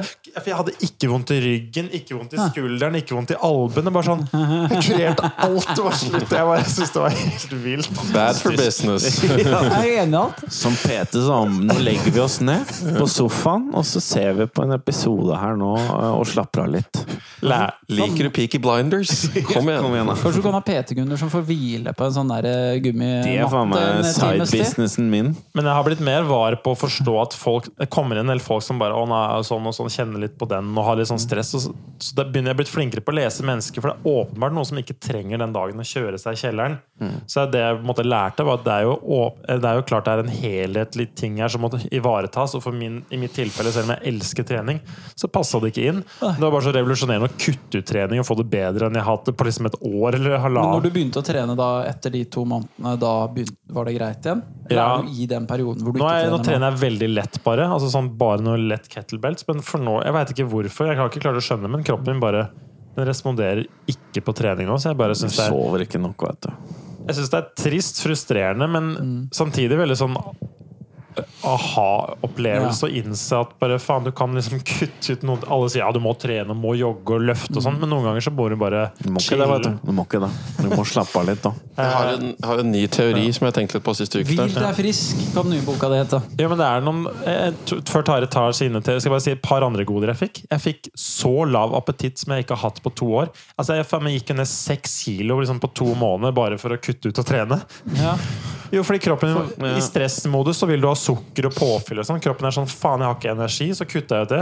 Jeg kunne faste sånn en, Jeg, faste, jeg spiste én gang om dagen, har jeg gjort nå de siste to månedene. Men det er jo ganske mentalt rolig sånn ellers. Altså, det er jo mange som burde trene, i hvert fall få ut noen Ja. form for stress, fordi de har ikke Ja. noe sånn stresshåndteringsverktøy på andres vis sett. Så dette er liksom ikke noe sånn derre kutt-kutt. det er ikke noe fiks for alle. Nei, nei. da, du Dette er som bare, har jeg sa dette er veldig sært tror jeg, for min del og min kropp, men det var bare en lærdom at det, er faen, noen ganger så er det bare sånn derre Men du er litt sånn high achiever, trene, trene holde på med masse Ja, greier hele tida. Så kanskje det var Men nå er det bare ikke- Jeg veit ikke hva som skjedde, om det er et, for mye Jeg vet ikke, bare sånn er for mye altså, sånn, Jeg har det veldig bra, men så fort jeg interesserer trening, så blir det for mye. Så nå, Jeg syns det er jævlig kjipt, men jeg skjønner faen ikke hva som skjer. Men jeg er veldig slank blitt nå igjen. Etter fødselen. Liksom fått ned babyfat. Liksom sånn. Du blir Ferdig med den der hofteproblemet-bekkenløsninga di og alt sånt. alt sånt. Nei, nei. eh, vekta som menn legger på seg etter eh, Ja. Nei, men du gjør jo det. Vi sa jo at testoen Ja, ja. kan droppe 50 og at pappakroppen er en hormonell greie. Og jeg gikk opp i vekt og sleit med å gå ned fordi stressnivået var så høyt. Men da jeg kutta trening, så var problemet løst. Det var helt vilt. Altså, jeg, jeg kunne faste i flere dager. No, ikke noe stress. Ja, jeg bare syns det var helt vilt, egentlig, at det var konklusjonen min. Det er en av de mest sånne, der, what the f- sånne hva faen-konklusjonene jeg har hatt i mitt liv. Totalbelastning er jo det viktigste. Ja, Det er ordet, da. Men det kan nok hende det er eh, konklusjonen er at mange som lever et veldig hektisk liv, kanskje bør tone ned litt At Det er sunt å kjøre på for hardt i alle retninger. Nei. At det, da er det litt roligere trening, eller litt sånn Ja. Du tre- roe ned ambisjonene på den fronten. Men det går mye, da. Ja. Altså Du burde, sånn- du, burde ja. trene, du burde trene så, mye, så lite som du trenger å trene for å få de resultatene du vil ha. Og for noen er det ti timer i uka, for andre så er det 30 minutter i uka. minimum effective dose. Men det er det, fordi hvis du ser på mitokondria og aldring og sånn, så er det åpenbart at du bør jo ikke slite deg mest mulig ut. For hardt, nei. Nei, minimal dose. Det er det jeg også leser i den uh, anti-aging-greiene. Det er det jeg har hørt òg. Veldig minimal dose er veldig Jeg driver med nanotrening i mange år nå. Du ikke gå mer enn 20 skritt før klokka to, så gjør du ikke det. Gjør ikke det. Gjør ikke det. Føler meg bra òg, vet du.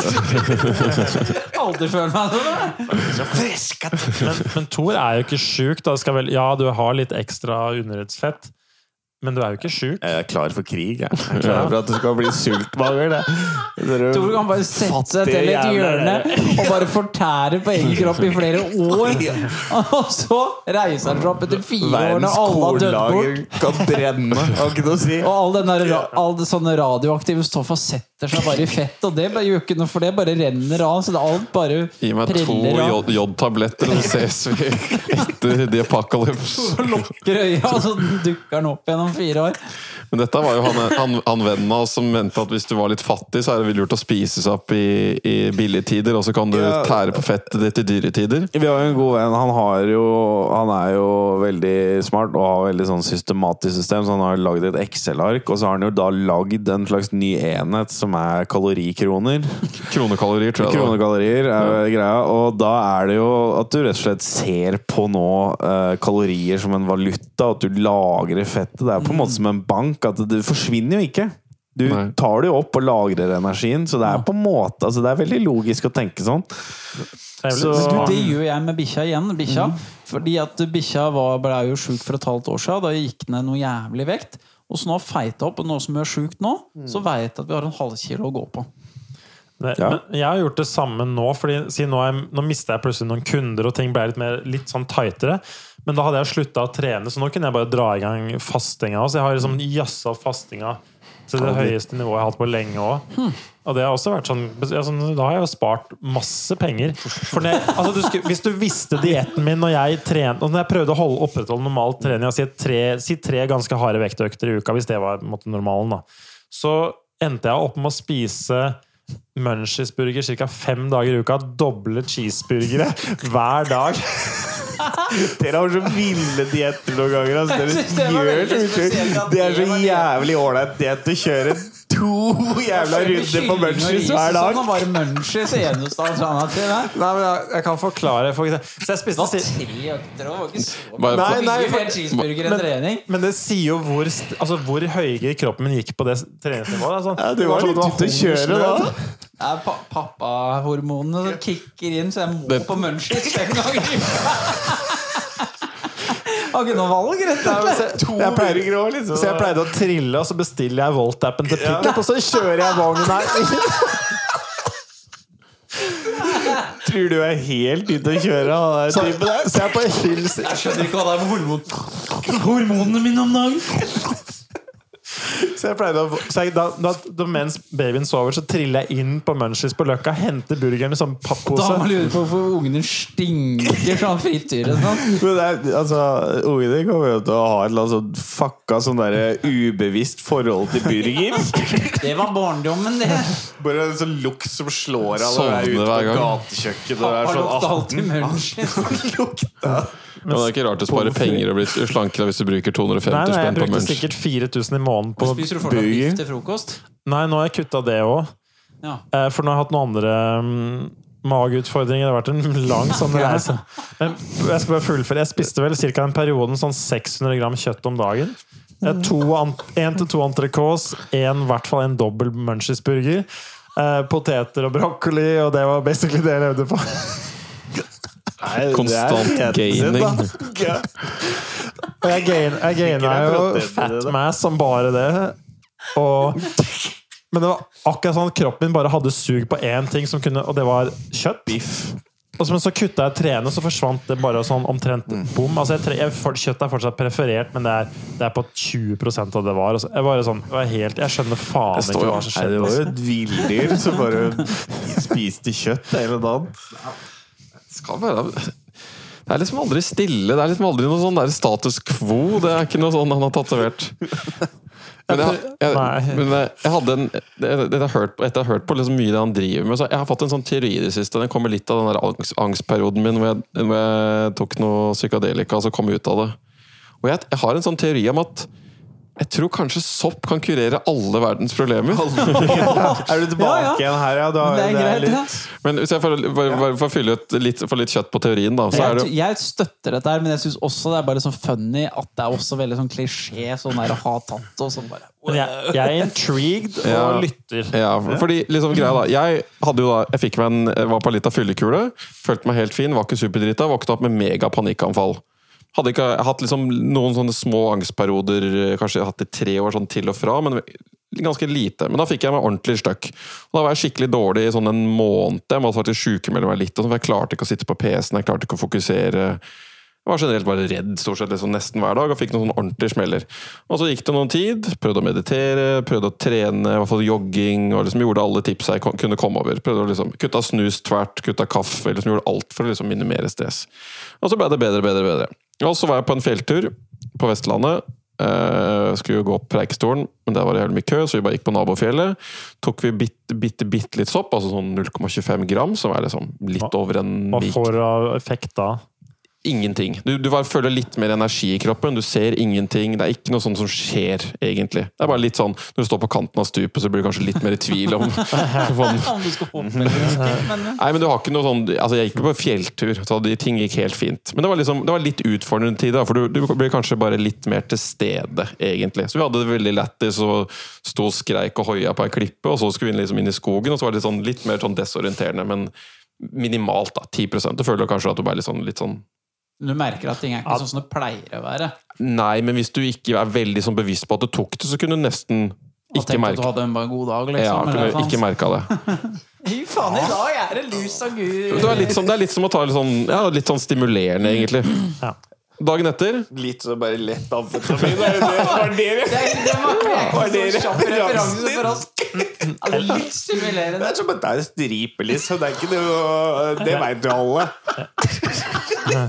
Prøv å ta litt mer folkelig metafor, Tare, for nå var det litt sånn Er det som å ta seg en snus når alle har snusa, liksom? For uh, Nei, det blir vel egentlig altså, nærmest du kommer kanskje da, er liksom å ta tre kopper kaffe og, og at, du, at du er litt At du liksom At du også ler jo litt. Jeg- Det er ikke noe, det er ikke noe jeg tror du ler av kan få kaffe. og oransje briller eller noe sånt. nå, det, det fins ikke noe rusmiddel i det norske biblioteket som er lovlig, som jeg kan gi noen sånn god referanse det til åssen det føles. Altså, altså Skal jeg prøve å få alt til å bli som øl? Det er jo, ikke noe, det er jo en helt umulig konvertering. Men du, det er jo faktisk Det er det alle som er litt pessimistiske til, uh, til uh, psykedelika og sånn, de bare te- Det er øl er liksom referansepunktet. Ja. Eller alkohol er alltid referansepunktet. Mm. Så det går ikke an å se for seg. Så det er liksom alltid ut ifra det punktet. Ja, det er vel noe sånt, bare sterk. Ok, Så hvis du bytter fire honning mot tre kuer, og så bytter du tre kuer mot tre høns, blir det da de fire hønsa er det som en øl? Er det det du sier?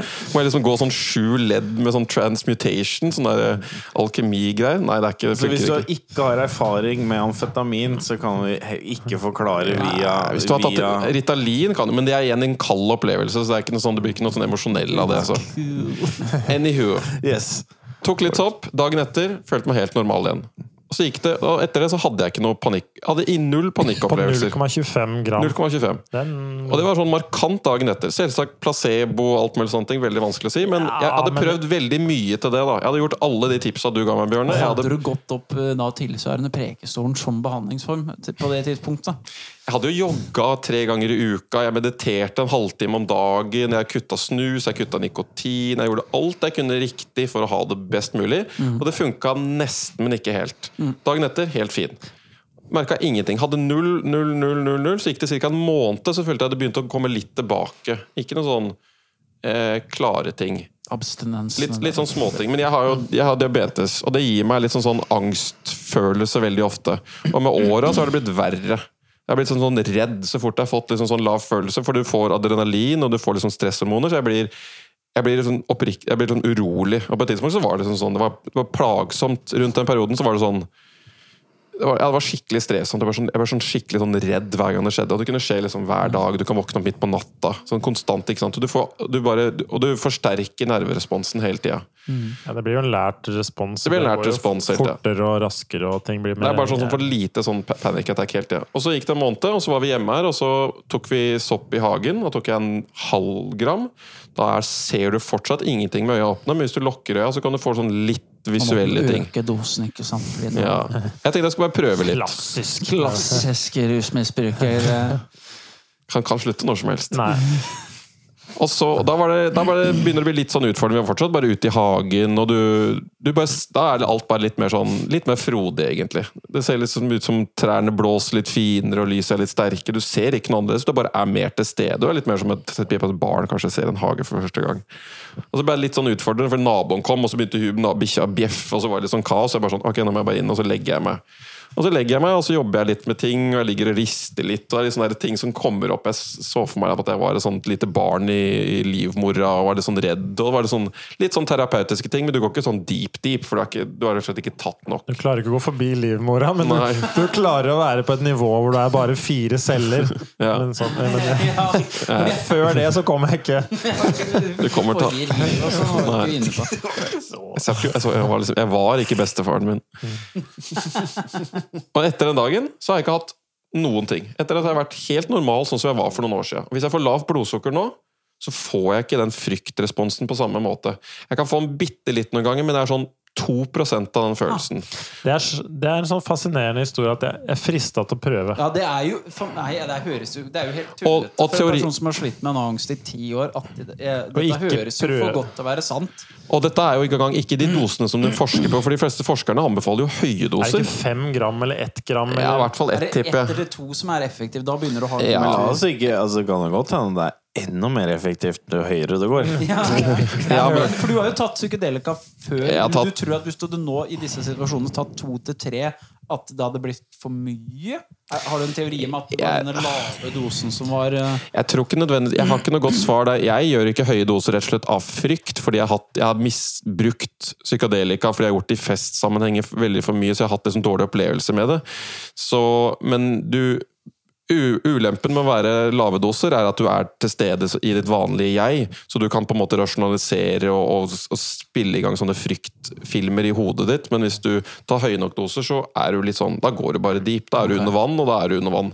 Da, da, da, drikker, du, da drikker du vann, og det går Kanskje helt du ikke fint. husker så godt hva som skjedde heller? da? Nei, da bare er du på en sånn da, Du Kanskje litt det inn at det er det positive med at man er delvis til stede og ikke og litt inn i den verden. Da. Litt sånn som de som får sånn ketaminbehandling òg. Så Tim Ferriss snakka om det at eh, For han kunne regulere, av grunn hos han behandleren kunne han regulere ketaminen sjøl. Sånn at det kunne gå dypere liksom, gå Sånn, dypere inn i en eller Si det at du nå, så- ok, nå skal vi begynne å tenke litt på voldtekten, så drar du opp den. ikke sant? Men hvis du går for dypt, så bare Da er det sånn hey, oh, Så må du bare få subba deg inn igjen. Men at det er noe med å kanskje ligge i det sjiktet mellom det mennesket du faktisk skal være i hele livet ditt. Og du, hvis du går for deep, så er det sånn som dere har kanskje sagt før, at det er liksom sånn der, som dere sa for noe. Sand. At det, er bare, det blir sånn vagt minne, og det er litt sånn vanskelig å kanskje integrere? Eller? Kanskje, men jeg, Kanskje. der skal jeg ikke si noe for sikkert. Men jeg tror også det er, det er så mye av det greiene vi holder på med som er bare sånne der autosystemer som bare tikker og går.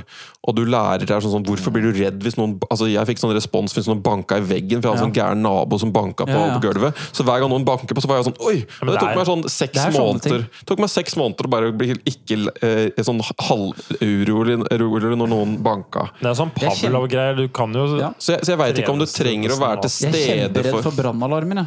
Ja. Og spesielt det det er flere grunner. Fordi at det, det vært, Jeg bodde på hybel, eh, hy, en hybel hvor det sånn stor blokk i ni etasjer, hvor de da gikk, den alarmen gikk sånn derre uh, jevnlig. da Når noen har fyrt opp en pizza, så gikk det bare hele blokka. Midt på natta måtte du ut. Og så røyka de feit en og våknet tre på natta. Og bare, ding, ding, ding. Så det var ikke bra.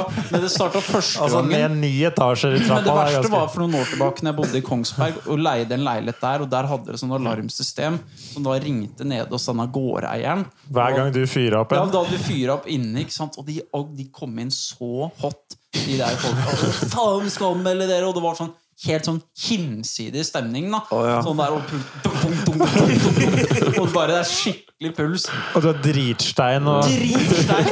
Og jeg prøvde bare å mate opp den der luka til der lata som jeg hadde steika pizza. Det er mye oregano på en pizza. helt, det helt, var helt tullete. Det var helt Helt tullete. drøya. Helt hvor det er bare den pizzaen, Og de var sånn kjefta Det er sånn i ettertid, når jeg tenker på det skal jeg blir så sinna på at de hadde den reaksjonen. Du får lyst til, jeg får lyst til å dra dit og bare grisebanke dem. Den gamle kjerringa som bor har jeg lyst til å grisebanke for at de oppførte seg sånn. Hvordan våger du å være sånn mot meg? For faen! Traumatiserer meg sånn. Det røyka bønner i den der jævla stygge leiligheten din. Faen. Oh, lord. Så det Men et problem, bare sånn, skyter et problem er at man, som i min lærdom med angst og slitenhet, og sånn, er at hvis du aldri eh, eksponerer deg for lignende situasjoner og gradvis kommer tilbake igjen, så graver du deg lite, et høl altså, som du aldri kommer helt ut av. Ja. Du må på en trygg måte reintroduseres for litt av det samme, men jeg i hvert fall min erfaring. Hva at hvis du reeksponerer, var det du sa? At Ja, du må eksponere deg for lignende ting, sånn at du kan få normal, satt dette, Du får erstatta de minnene med noe nytt. Men burde Tari, da, hvis han ikke skulle tatt sopp, for eksempel at hver gang han får diabetessymptomer, så trigger det angst fordi det ligner på et panikkanfall med adrenalin og sånn, så kunne han i teorien, det ville jo en vanlig behandler sagt, en eksponeringsterapi, sagt at du skulle liksom med intensjon gå inn da for eksempel, og ikke innenfor trygge rammer ikke spise, men eller fremprovosere det litt og se at ok, det går greit, så tar jeg medisin, og så roer det seg ned. Og så få nye forbindelser til det. da litt sånn, eller at du kanskje må begynne å se en diabetesinformasjonsvideo fordi han er så altså, sånn, litt sånn, at du må, For det er jo noen som må se edderkopper på TV. ikke sant? Så du kan, Ja, ja. Poenget er bare at du må finne en trygg måte å ikke retraumatisere deg på. Men jeg har veldig troa på eksponering i kontrollerte, trygge former. Da, evo en form det blir. Men jeg har vært så redd for å ta sopp fordi at jeg er redd for at den opplevelsen skal være mer enn jeg takla. Bare gjort det verre, og så har man ikke noe supportsystem i Norge for hvis av en eller annen grunn at jeg hadde bare en forferdelig opplevelse på det, og så bare sitter du der, da, bare Det er jo bare trau... Altså bare, men det blir jo bare være traume. på en måte Det vil jo være ganske likt som andre Jeg bare traume. ser for meg sånn Nei, jeg, jeg tok noe sånt på, nå er jeg bare så jævlig redd, og jeg føler at jeg kommer til å klikke hele tida. Ja, det var jo jævlig lurt av deg å ta det når du For jeg Men fikk det, nå er det faktisk ikke utenkelig at det er litt i nærheten av å bli det nå, da. Fordi det er i praksis, selv om den Nei, men selv om den rusreformen røyk, så er det nå Politiet har endra praksis, eller Riksadvokaten har jo gått inn og det er ikke lov til å ransake på det grunnlaget de har gjort før, så du vil ikke lenger ta folk med brukerdoser. De har fått føringer at de ikke skal gå for det. Og nå var det jo klager på at nå har de oppretta masse av disse ruskonsulentene rundt omkring i ja. de forskjellige kommunene. Eh, Så jeg håper at de løser det på den måten at det faktisk er et tilbud hvor du kan Ja. komme. Og så er det ikke sånn der moralsk eh, preken for å liksom å, Du må slutte og sånne ting. Det er faktisk en diskusjon å hjelpe og komme med gode råd og kanskje være en sånn kilde til å hjelpe mennesker som eh, Litt, faren Jeg vet, må bare få runde Ja. Bare for å ta eh, Jeg håper absolutt at det blir lovlig. Litt frykten at du sitter med en gjeng sånn der eh, BI-utdanna stive leger eller et eller annet sånt som, som driver og snakker liksom, ja, skal, skal jeg forklare hvordan gresk fungerer, og så sitter de og snakker norsk. altså De har ikke noe De har ikke vokabulæret til det, men forhåpentligvis Vi håper.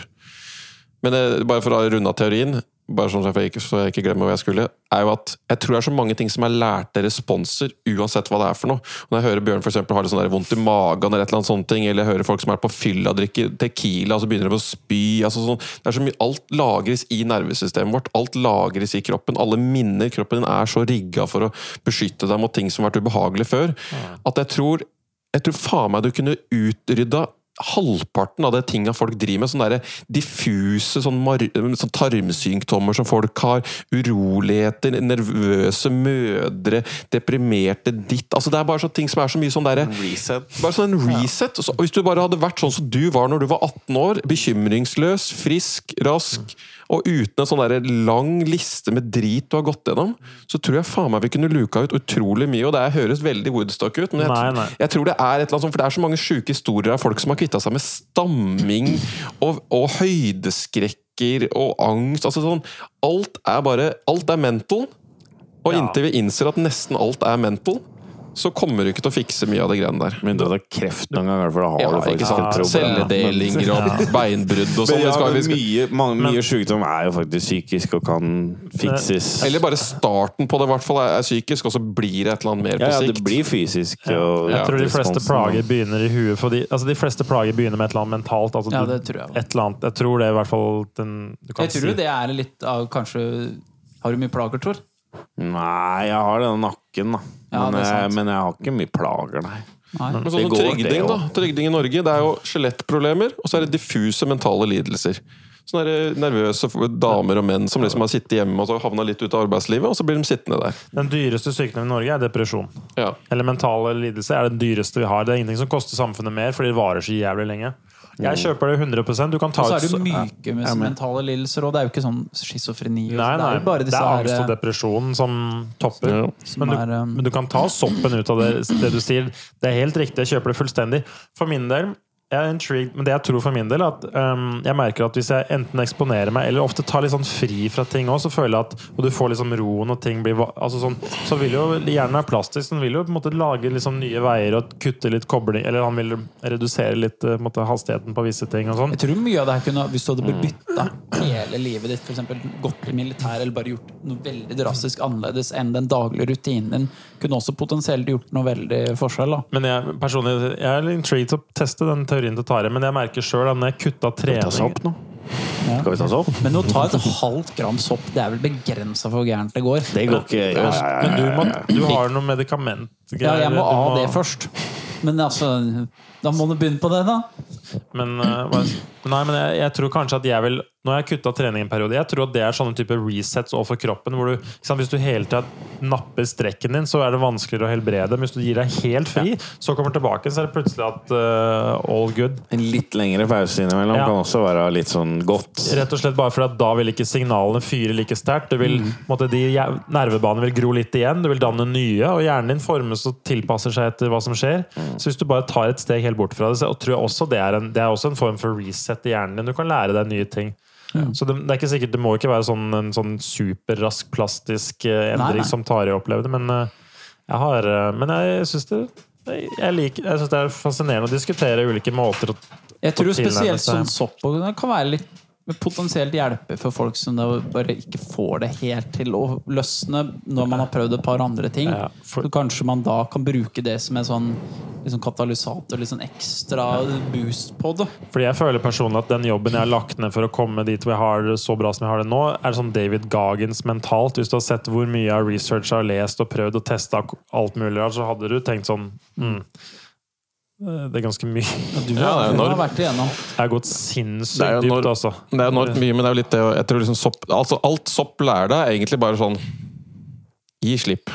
Men hvordan, Gi hvordan slipp. beskrive hvordan det skjer?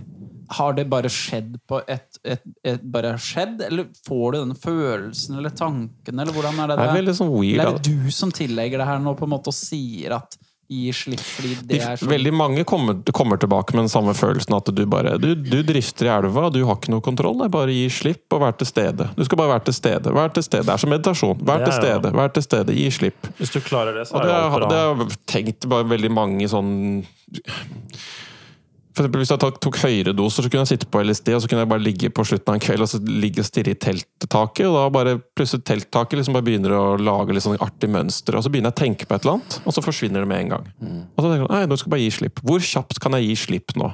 Så fort jeg klarer bare å gi slipp, ikke det har noe, jeg er ikke tilknytta noen tanker, eller noen sånne ting, så bare så begynner på en måte det mønsteret å gå igjen. Så nesten, det er nesten en sånn gamified måte å gi slipp på. Nei, vet du, som er litt sånn, jeg, skal, jeg har bare lyst til å skyte Dette er litt mer sånn outer space av mine tanker, men jeg føler at hver gang i de fasene av livet hvor jeg er mest mulig til stede, så kommer det mest mulig random muligheter. Altså penger og ideer og mailer av folk. Altså, sånn, akkurat som jeg selger bedre. Jeg kan ikke, jeg kan ikke måte bevise eller forklare det, men det følelsen er at når jeg bare er til stede og bare lar ting suse og går, og ikke bekymrer meg og sjekker mobilen min og kommer det det til å gå bra, så bare føles det som ting bare detter inn til en høyere grad, og jeg veit ikke Er det The Secret? That's God working his magic. Working his wonders through your body. Men men jeg vet ikke, det er bare sånn Men altså, det, det, sånne ting er mye med på oppsving nå. Jeg så noen lange, lange artikler om det, altså de mange jenter som driver og manifesterer og sånne ting. Det er mye sånn svada der, for de La sitter oss og ikke, la oss ikke Nei, nei, vi skal ikke dit. Men jeg bare sier si ai, men, men jeg, jeg er helt enig, og jeg er helt, helt, helt enig. Jeg tror det Hvis alle bare er til stede, så tror jeg det får så mye gratis. Fordi til stede er positivitet, til stede er ikke løgn, til stede er ikke, er ikke dømming, til stede er åpenhet, til stede er barnslig, til stede er liksom alle disse gode tinga du assosierer med å gi, gi og få. På en sunn måte. Det er fullt og helt her og nå, det er, og det betyr ideene dine kan altså Du har ikke den mentale alt med støyen ellers. Da. Det kan bare være det, men jeg føler liksom da ja, For min del er det sånn en sånn Da flyter ting mye bedre. Så Så jeg tror sopp kurerer irritable bowel syndrome, er liksom min teori Ja, Og så stjernetegn, da, hvis folk hadde levd litt mer etter stjernetegnet sitt, så tror jeg også at ja, sånn Og mineraler. krystaller og, og tarotkort også, hvis man hadde fulgt litt mer med var, på det. jeg så en artikkel i Aftenposten som var oppsving på sånn der dark magic, Heksegreier, tarot ja, er eh, masse. Er damer hekser, det er så tull. Altså, herregud. Men det er det du får fordi du er så materialistisk og Ja, ja. reduksjonistisk i andre enn at folk trenger et eller annet som gir dem litt sånn holdepunkt. ikke sant? Istedenfor at du får sånn fornuftige psykadeliske seremonier, så skal du begynne å blåse røyk og vifte på fjær. og vi har jo ikke, sånn som du sa, vi har ikke tradisjoner, og vi har heller ikke noen religioner og sånn, for vi er veldig sånn antireligion. Veldig det, Vi har blitt helt i andre enden, så vi har mista veldig mye med det. Jeg Og tror da at dukker det ja. opp mye sånn pseudogreier også, da. Jeg tror me Folk trenger mening, og en måte å få mening på er å oppleve ting som er utafor litt det du kan fatte og begripe. Sånn som psykadelika. Det er liksom sånn, oh fuck, hva er det her for noe crazy shit? Da får du en form for mening og tilknytning til livet. Så, eller du må ha noen form for mening, tror jeg. da Og, det, og da er det noen som søker sånne andre nonsens-ting, istedenfor å gjøre ting som ja. Ja. Føler vi er inne på noe i dag. Altså, bare som, Nei. ja, det er noen greier her. skal, Men her går hele går rett ut på LinkedIn. Eh, Norges arbeidsmarked. Ja, vi, er, vi er inne på et eller annet her, altså. Jeg tror Det er noe i dette det er, det er noen sannhet, eller noen ting som vi har diskutert i dag, som jeg tror vil gjøre, gjøre oss andre Dette godt. henger også sammen med det han var på Joe Rogan og han der som har skrevet The War of Art. Har du lest den boka? Ja, eller- Han snakker om et konsept som Steven er Press- Steven Pressfield. Heter Ja. han, ja. Jeg snakker om sånn konseptet resistance, da, spesielt innenfor kreative ting. At man har en veldig sånn motstand mot å sette seg ned og, og gjøre det arbeidet man skal gjøre. For det er alltid en grunn til ikke, og det blir ikke bra, og det blir ikke sånn. da. Men at det er liksom konseptet at du skal sette deg ned, og så lenge du møter opp og gjør det, så vil det bli rewarda. da, på en måte Han kaller det muse. da, Og han ser ikke på det bare som en sånn billedlig ting, men faktisk nesten som om det er man, at det opererer litt sånn her mellom himmel og jord et sted. At rett og slett tanker og ideer og, og greier kommer litt til deg. da, Når du klarer å bare være der, og at dette bare kanaliseres igjennom deg. Jeg tror mye av det vi snakker om, det er det samme greiene, egentlig. Jeg føler litt sånn når jeg bare lar tankene stilne og bare er til stede, så føler jeg bare ideene bare flommer. Og når jeg driver og er opptatt av stress og faen for jeg har gjort det og betalt det og helvete, da kommer jeg ingen ideer kommer. Så det er det jeg bare min tanke. jeg, jeg tror det at sånn, Jo mer du liksom griper Jeg må bli denne tingen av kunstner. Jeg må få til businessen, men jeg må bare. Og liksom gi slipp på det, og så bare liksom Nå bare gjør jeg det. Jeg bare sitter og skriver på businessplanen min i dag i sju timer, eller jeg skriver på det jeg skal, og så bare mø Så vil det komme altså, Når du gir slipp på det, og bare lar det bare strømme på, så, så kommer det. Og så sparer jeg for mye bekymring underveis. mye. Men det er nok sikkert noe med livet ellers òg. At, man- det der med å være til stede og gi mer slipp på kontrollen. Og, og at du, du har at, Ja, i denne, der stør, denne elva som bare renner ned. Det er bare å hoppe på gummibåten og, og skli nedover. da Lettere sagt enn gjort. Men det er jo liksom det er clouen å prøve å ro opp, oppover strømmen. da Fordi at du er så jævlig bestemt på at det var den jævla veien vi skulle. Drar på deg senebetennelse, og så fy svelger noen liter vann. Har dere noen gang det jeg Jeg og kjæresten min satt og snakka om en bok som jeg hadde lest som, eh, som var ganske bra. Så drev vi prata om det, og så mens vi drev prata om de konseptene, og så leste noen sånne utdrag og sånn, så bare merka at vi tok oss sjøl litt sånn ut av litt som et sånn, må, Kanskje man tenker litt sånn negativt på et tidspunkt, eller bare sånn generelt, og klarte å se for seg en måte å tenke på å leve i framtida som var bare mye, mye bedre. Sånn at vi liksom i det øyeblikket bare sånn Å ja, faen, det er sånn man bør gjøre det. Har dere opplevd det noen gang, at man liksom noen gang klarer liksom nesten å løfte bevissthetsnivået sitt? At lavbevissthetsnivået lavbevissthetsnivå er å bli sånn sinna på at det, alt sånn småtteri som er gærent i livet, til at du klarer å bare liksom løfte det opp på et sånt annet nivå å operere på. Og så sklir det jo litt ut igjen. Jeg, tror den Det er jo nesten litt den psykadeliske Ja, litt følelsen, da, det, da at det det blir manifestert. sånn, det her manifestert. må, vi- vi må ikke glemme den måten vi tenker på nå, og det her vi har skjønt nå. For det er det her, det er her du må ligge. Det her, nå, er vi, vi er liksom, nå er vi på et høyere bevissthetsnivå. Og hvis du får en melding av noen nå så bare 'Hei, faen, har du ikke gjort det?' eller noe sånt, da drar de deg ned igjen jeg leste det nærmeste kommer sånn i moderne psykologi. Ethan Cross ved Ross Business School. Eh, han skrev en bok eh, som heter Chatter, og det handler om negativ indre dialog. Men et av tipsene der for å på en måte heve seg på en måte opp få få overblikk og perspektiv, er å tenke hvordan ville du tenkt om dette her om ti år? Hva ville du sagt og snakka om denne situasjonen her om ti år? Det er en type måte sånn avstandsmekan eller avstandsverktøy du kan bruke, som funker veldig bra. Så hvis man, det er så vidt For jeg for selv, altså selv ganske sånne fæle ting kan nesten være funny om ti år. ja, Eller hvis du tenker sånn Eller du klarer å komme over og Eller hvis du tenker motsatt, hva er du ferdig med nå som du for ti år siden tenkte var helt jævlig krise? ikke sant? Nå Men de, det sånn de vloggene som jeg har gjort Jeg drev og så gjennom litt vlogger, for jeg skulle finne ut noen klipp her. Og den første vloggen vi gjorde, da hadde vi en podcast på Pride. Men jeg husker på det tidspunktet der så hadde jeg akkurat blitt dumpa. Og var sånn, jeg var- hadde bare syntes det, det var helt for jævlig. Stemmer. Men nå ser jeg det, og så er det, det er sånn derre mm. Og da var det helt jævlig. Men det er det jo ikke nå. Nei. Det, her, det er helt over. Det er helt borte. Liksom. Og det er sikkert, når jeg ser videre i vlogger, så er det andre ting jeg kommer på. Som da var det sånn, og da var det sånn, og da var det sånn. Så det med vlogging og sånt var, var litt interessant. At det, det blir som sånne det er masse problemer. Som Hvis jeg hadde vlogga nå om dagen, så er det masse problemer nå. Men om tre år så er ikke de der heller, på en måte mest sannsynlig. da De fleste detter liksom bort hele tida. En veldig god øvelse. Det er ofte Hvis du skal se for deg positive ting du kan endre, så er ofte ti år så lang tid at folk faktisk tror at det er mulig. Så du må gi deg selv lange nok perspektiver. Da ser man at det er psykologisk Det er faktisk en del av det som sånn kognitiv atferdsterapi baserer seg på, som jeg ikke har disiplin nok til å sette meg ned og gjøre. Men det er jo det at man skriver ned alle disse konkrete hendelsene, da, alt det som skjer, og hvordan tenkte du om det, og la, la, la.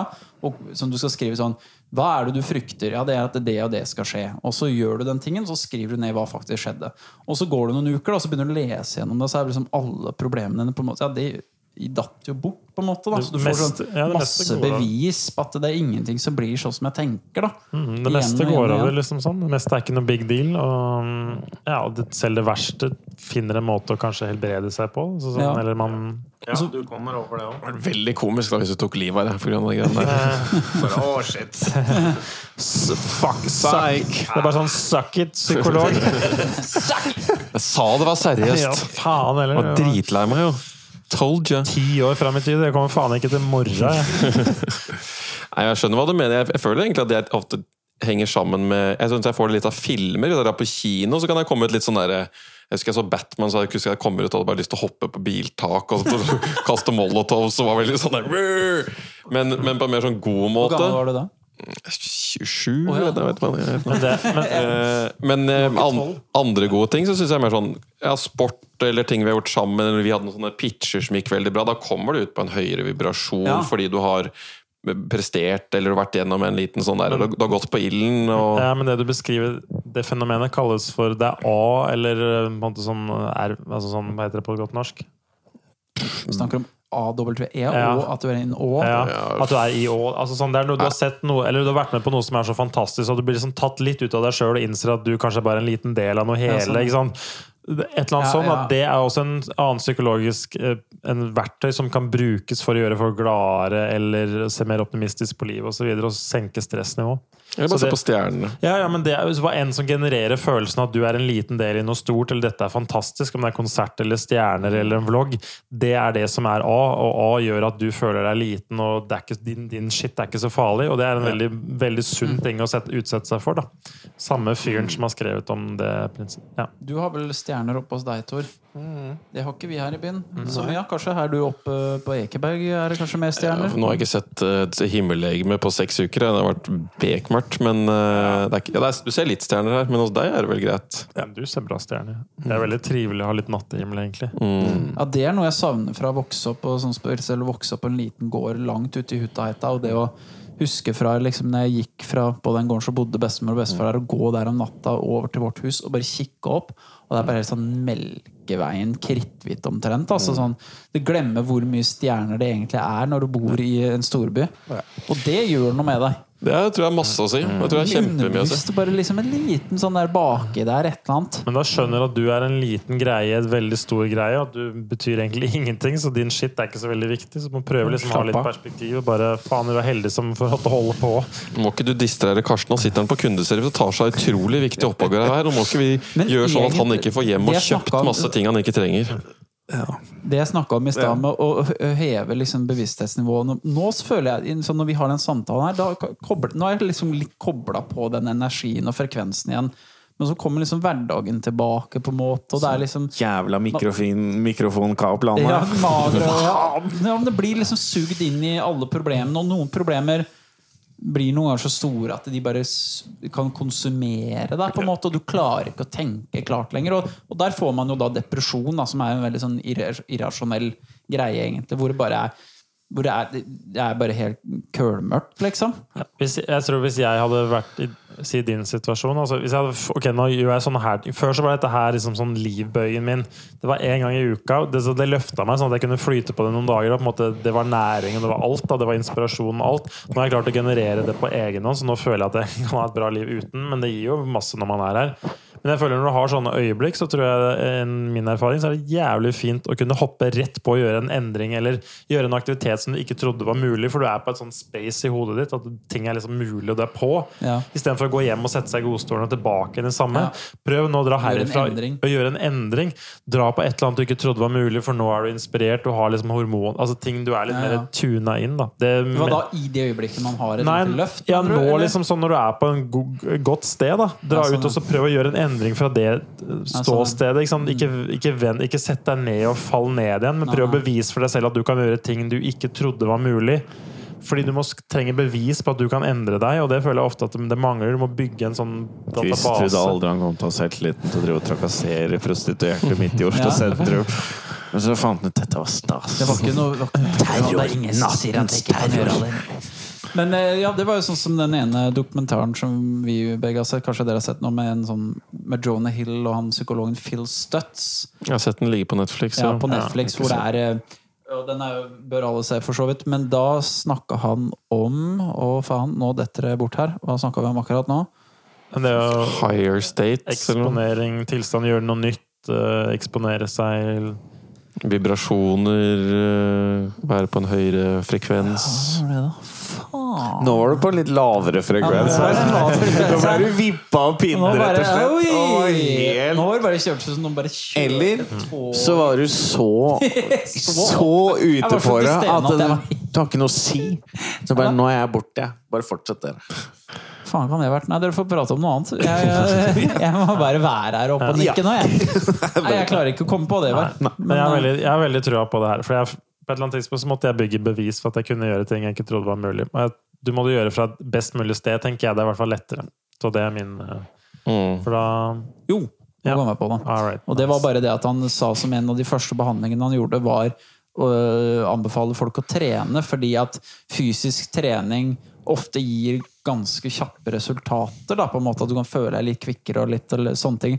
At det var det der bekreftelsen på at det går an å endre seg. Da. Ja. Mens mye sånn, annen, sånn terapi og sånn, så kanskje det tar litt lengre tid å se resultater. Da. Men hvis du faktisk jogga og spiste sunt i en, i en måned, så var du faktisk målbart litt bedre og hadde det litt bedre etter en måned. da Du må lære å endre tilstand for å se at det er mulig å ha det ja, annerledes. og at det er faktisk mulig. Spesielt folk som kanskje har gått lenge. Da, i, det er så lenge siden sist de hadde det bra. Det husker jeg sånn første halvår etter jeg fikk sånn panikkangst. og sånne ting Da var det fortsatt veldig sånn ferskt i minnet hvordan det var før det her. Så det var sånn å ja, åh, nå må jeg bli bra snart, for da skal vi på festivaler. Og fe det var liksom alle disse tankene om hvordan jeg pleide å leve. Og så bare går det lang nok tid, og så er det bare sånn vagt minne hvordan det var før jeg hadde noen psykiske problemer. Det husker jeg ikke hvordan det var. Sånn som når vi gikk på videregående, og hvordan jeg var har så frisk, hatt det og følte meg. Var så fresk som bare faen. som faen. Jeg sa til Åse jeg skulle ønske eh, Tor kunne fortelle litt mer om når vi spilte fotball. Så jeg husker ingenting. Ja, du Liksom, var jo et lite sånn- beist, vet du. Ikke Ja, sant? Du var var jo så frisk Det og jo fin. Jeg var mye liksom sånn, ja, kunne være litt sinna. Ja, liksom, men det er jo sånne sånn hormonelle ungdommer som er konkurrerer, blir jo Ja. hissige. Men ellers så var jeg det var, Ja, det var var- bra. Jeg klarer ikke å huske hvordan den følelsen av å bare føle seg veldig sånn Men, men, er, men du har hatt, ikke sant, poenget er at nå har du følt deg ganske bra, virker som, i halvannen time. Så, nå, så du må i hvert fall sånn Du sa det i hvert fall sjøl. Jo, Du, du, du har det bedre nå om du har det på ditt, ikke sant, på ditt kanskje Ja, average. ja. da Ja, Så det, ja, er, det kan være. så det er liksom å ga, og så. Se om du kan finne, bruke det her eller andre arenaer hvor du kan bygge flere, Ja. mer bevis for at du kan ha det annerledes enn den gjørma du har det er, det er litt det å bruke det momentumet som er. Det er sånn eh, Jeg går ut til en psykolog eh, annenhver uke og prate med han, og han etter jeg har vært der, så syns jeg ofte at jeg får litt det sånn samme løftet. Fordi det, blir, det er en sånn samtale à la det her.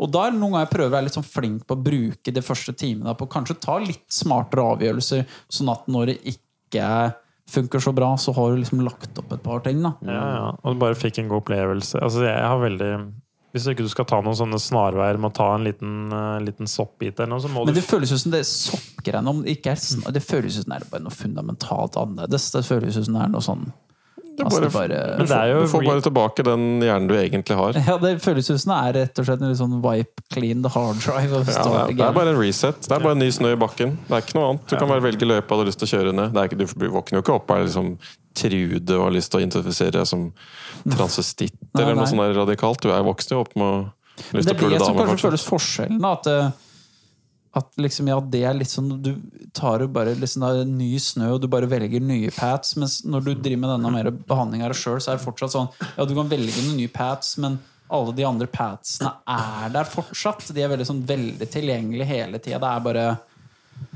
Ja, altså, du, tar jo, du tar jo sopp, og så kan du fint an å gå tilbake og ha det like jævlig som du hadde før. Så Det er jo ikke sånn, altså det som skjedde med meg, kan også bare, bare det funka fordi jeg kom tilbake til trening, jeg prøvde liksom ha gode rutiner, jeg har prøvd å få litt bedre søvn ved å kutte tidlig jobbing, så jeg får Ja. litt bedre rutiner på det, så jeg har litt mer mentalt overskudd. Så jeg har liksom prøvd å stacke ting for generelt bedre helse, egentlig. Altså, det er jo Så sånn, livssituasjonen din var på en måte grei. det var på en måte grei, men det er ikke sånn at du må jogge fire ganger i uka for å ikke få panikkanfall. Nei.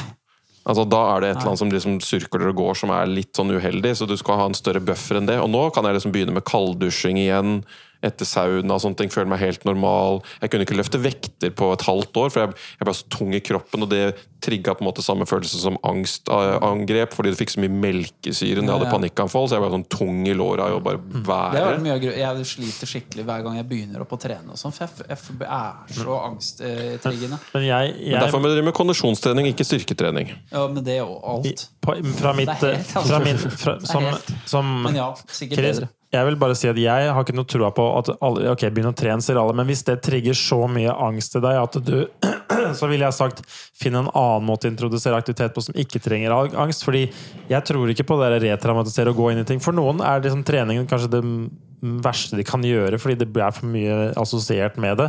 Det er ikke det riktig vei inn, mener jeg, da. Det Kan er du bare min, danse eller et eller annet som er sånn veldig lett, eller et eller annet Det eh, kan nok hende at det, har gjort en, en fysisk aktivitet som tok over mye mer av hjerneaktiviteten. Da. svømming tar over veldig mye mer av sanse. Ja, det kan godt være. Jo, fordi den overloader deg med så mye sanseinntrykk at du klarer ikke å kjenne på de samme vondter og sånn. Å være i vann er, en, det er, noe, det er noe spesielt, Det er fordi det er en total overload. Faen, det, er Det er veldig meditativt. ripped Deilig. spise 12 000 kalorier om dagen.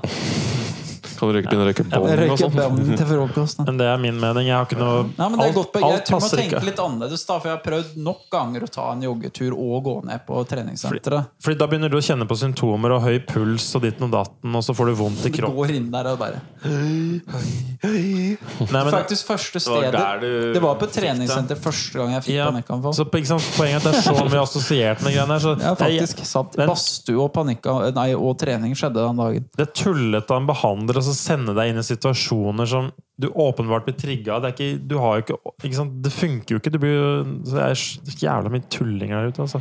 Det er Det er tricky, jo. Ja, det er kjempevanskelig, men det Altså, er jo jeg, fikk jo, jeg fikk jo det av alle ting. Jeg, altså, når jeg var på jiu-jitsu, sånn, så kunne jeg få sånn der, oh shit, nå fikk jeg panikkavfall. Da måtte jeg bare komme tilbake gang etter gang. Så ga det slutt. Så det var Men du må ikke gjøre det så mye at du blir retraumatisert. Altså, du, du må finne din nivå av det. Fordi Ja. Nei, det er, det er tricky. Jeg har, Ja, det er ikke, noe, jeg, balanse, jeg har ikke noe godt svar på det, men det er ja.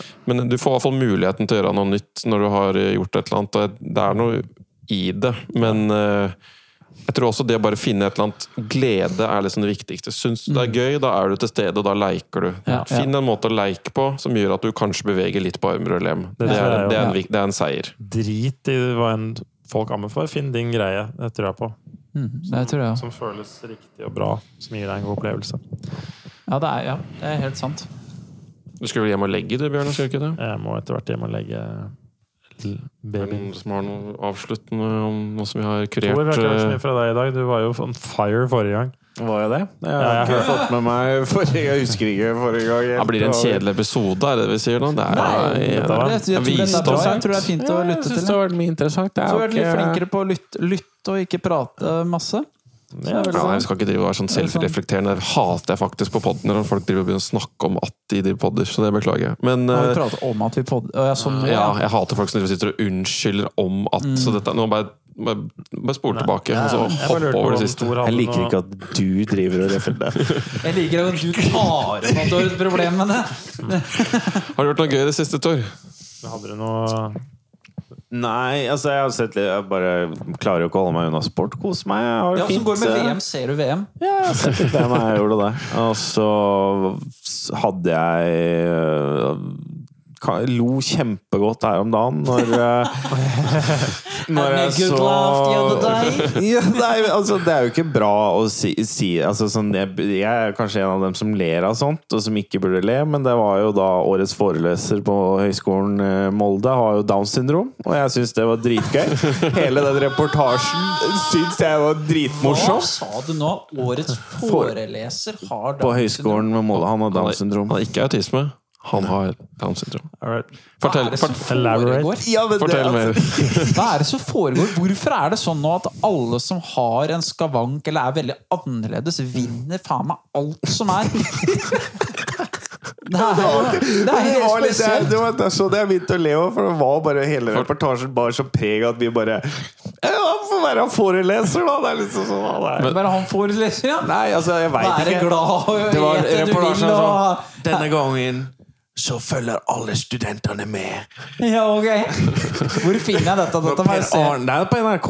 Det var sånn- nyhetene? Nei. Ja, antageligvis for bare noen dager Det siden. er et segment, og, da, og han var foreløsende i da. Jeg vet, det var noe sånn vernepleiergreie, for da forteller han om opplevelse. Altså, Jeg veit ikke hvor seriøst det var. Jeg begynte å le så mye at jeg klarte ikke å få med alle detaljer i. For Jeg begynte bare å se for meg alle sånne scenarioer. Bare sånn totalt upassende folk som bare kom De bare sender inn. Og sånn Terskelen for at noen skal bli en lærer, er så lav da at du bare Sender inn en fyr til slutt som ikke kan snakke, så det bare er et fyr der til slutt. Jeg åpner Det står der og bare er der. Hvor gammel var han med Downs syndrom? da? Sånn, Så kanskje 30-40, eller uh, 'Jeg heter ikke hjerneskada'. ja, var det, er det du som sier det? Han som sa det? Han sa det i intervjuet, og så Jeg heter ikke Ja. Og, så går det, og så viser de filmer at han plukker ut en bok og så de hylla si, og det er liksom ja. Alt han var kapabel til. Ja. Men hvor, hvor har han doktorgraden sin fra? Ja, er sikkert fra den høyskolen der, jeg veit ikke. Jeg aner ikke. Jeg fikk ikke med Ok, meg men- sånne men- detaljer. Nå, er, nå må jeg bare spørre. Det er vel generelt etablert at de med Downs syndrom har vel litt nedsatt intelligens? Har de det? Om de har! Han ville ikke Altså, påstå det. Ja, Nei, om de Altså. det ikke Ja, jeg bare spør, jeg. nå det, er, det er et spenn, da. Ja, men jeg han er høyt funksjonell innafor For han kan snakke og sånne ting. Men Nei, ja, det, er, det er han har jo en funksjonshemming. men hjelpe meg, da. Det, det er vel ikke noe Vi kan ikke Vi er alle like. Ja, men det er, det er liksom Jeg er like mye verdt som mennesker, Ja, men vi er er vi. alle ikke er vi. like gode professorer. Nei.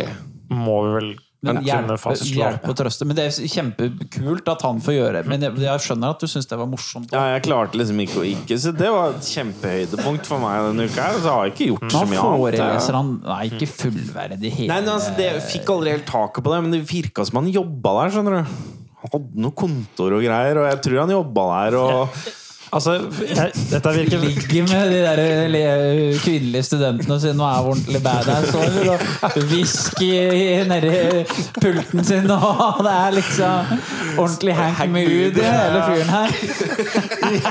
Jeg er ikke hjerneskada. Jeg er Hank Moody. jeg visste jeg måtte ta det opp bare for at Chris og kom til å kjøre sånne Faen. Føler meg litt bedre nå. Ja, det gjør det. Men det er greit, for vi har hatt Tangerudbakken på TV i mange mange år. Altså, og ingen kan bare det. si at det, det er jo et humorprogram. det. Det er det beste som fins noensinne. Det er Når. Det er fantastisk. En av de beste øyeblikka der er når de har Har du sett på det?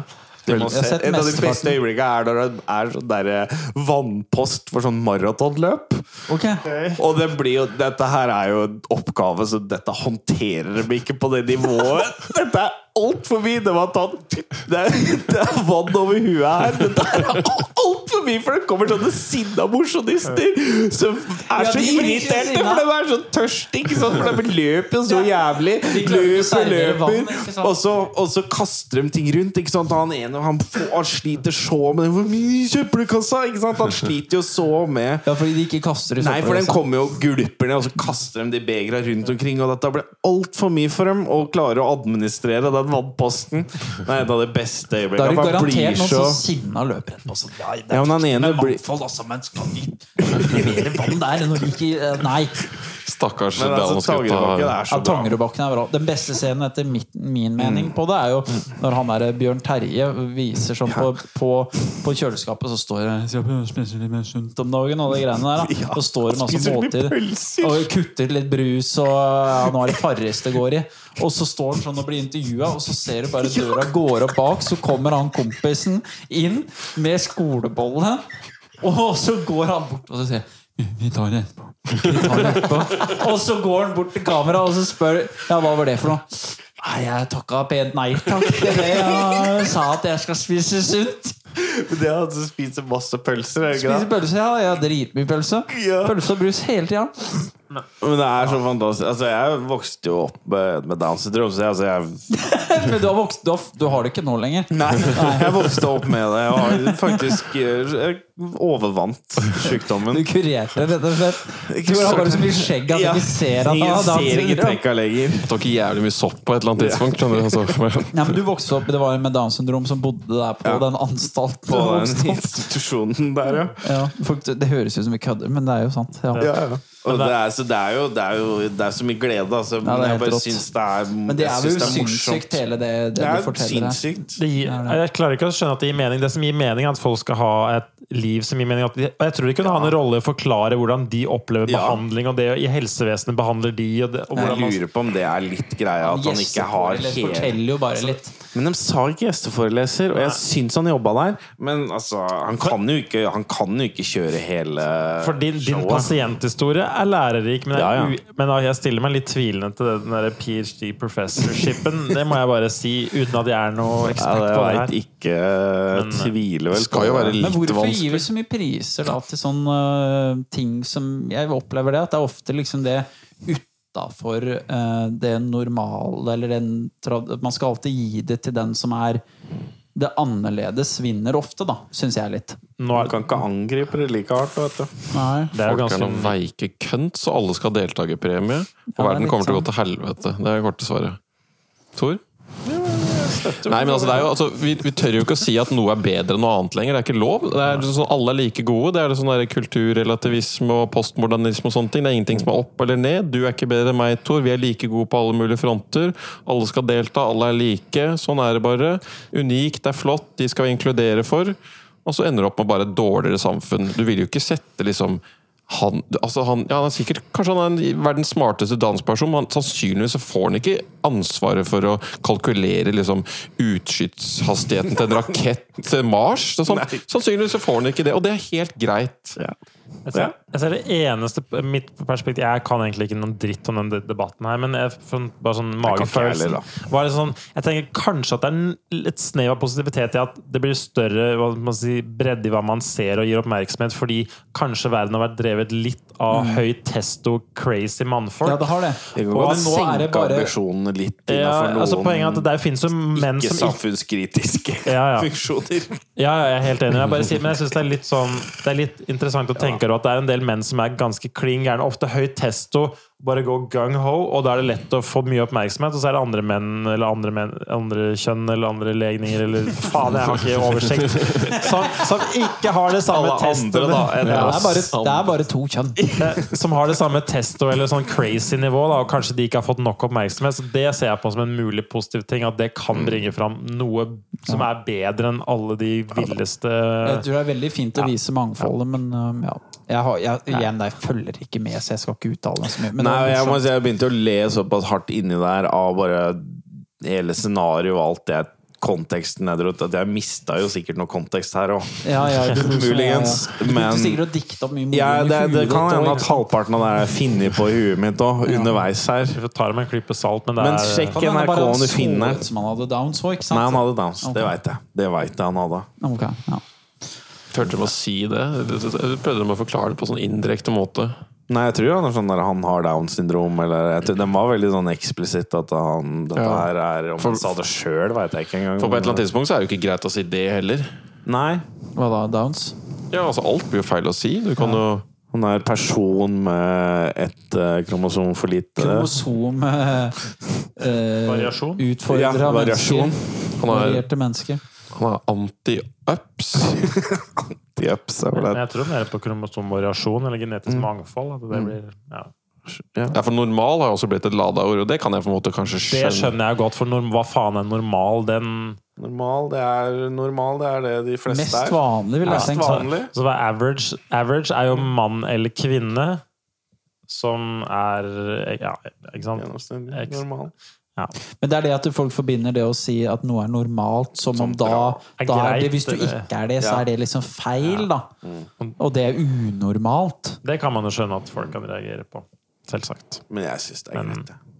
Men det er litt med ja, nei, det er, eh, men jeg er ikke noe Jeg vet ikke om jeg tør eller har lyst, eller jeg kan ikke noe om det. Så for meg det blir bare prate fra med, med refleksen. Skyter, ja, men jeg skyter jo fra hofta her, jeg òg. Men altså, det er jo ikke Men for å si det sånn, har du kølle ned til kne, så er ikke det normalt. Det er Så ikke negativt normalt, også, det. Og det er faen ikke negativt, nødvendigvis. Det er langt utafor normalen. Men det får du ikke pris for. Ja, det Ikke årets foreleser. På B. Ei velhengt mann har i dag blitt kåra. helvete er prisen min for det? Det er et form for handikap. Du får jo ingen Det er et handicap. Alle vil pule deg, men du får ikke pult nå. Nei, det er akkurat det. Folk bare 'Å, spennende', og så prøver de, og så er det bare faen, det er ikke sjans i havet. Det får ikke Det får ikke, Forbannelse! det får ikke kryssa, det får ikke kryssa på på jobbsøknaden. din. den. Hvor er den kategorien? Jeg sliter så jævlig. Trehjørning. eh, Ja, trehjørning, ja.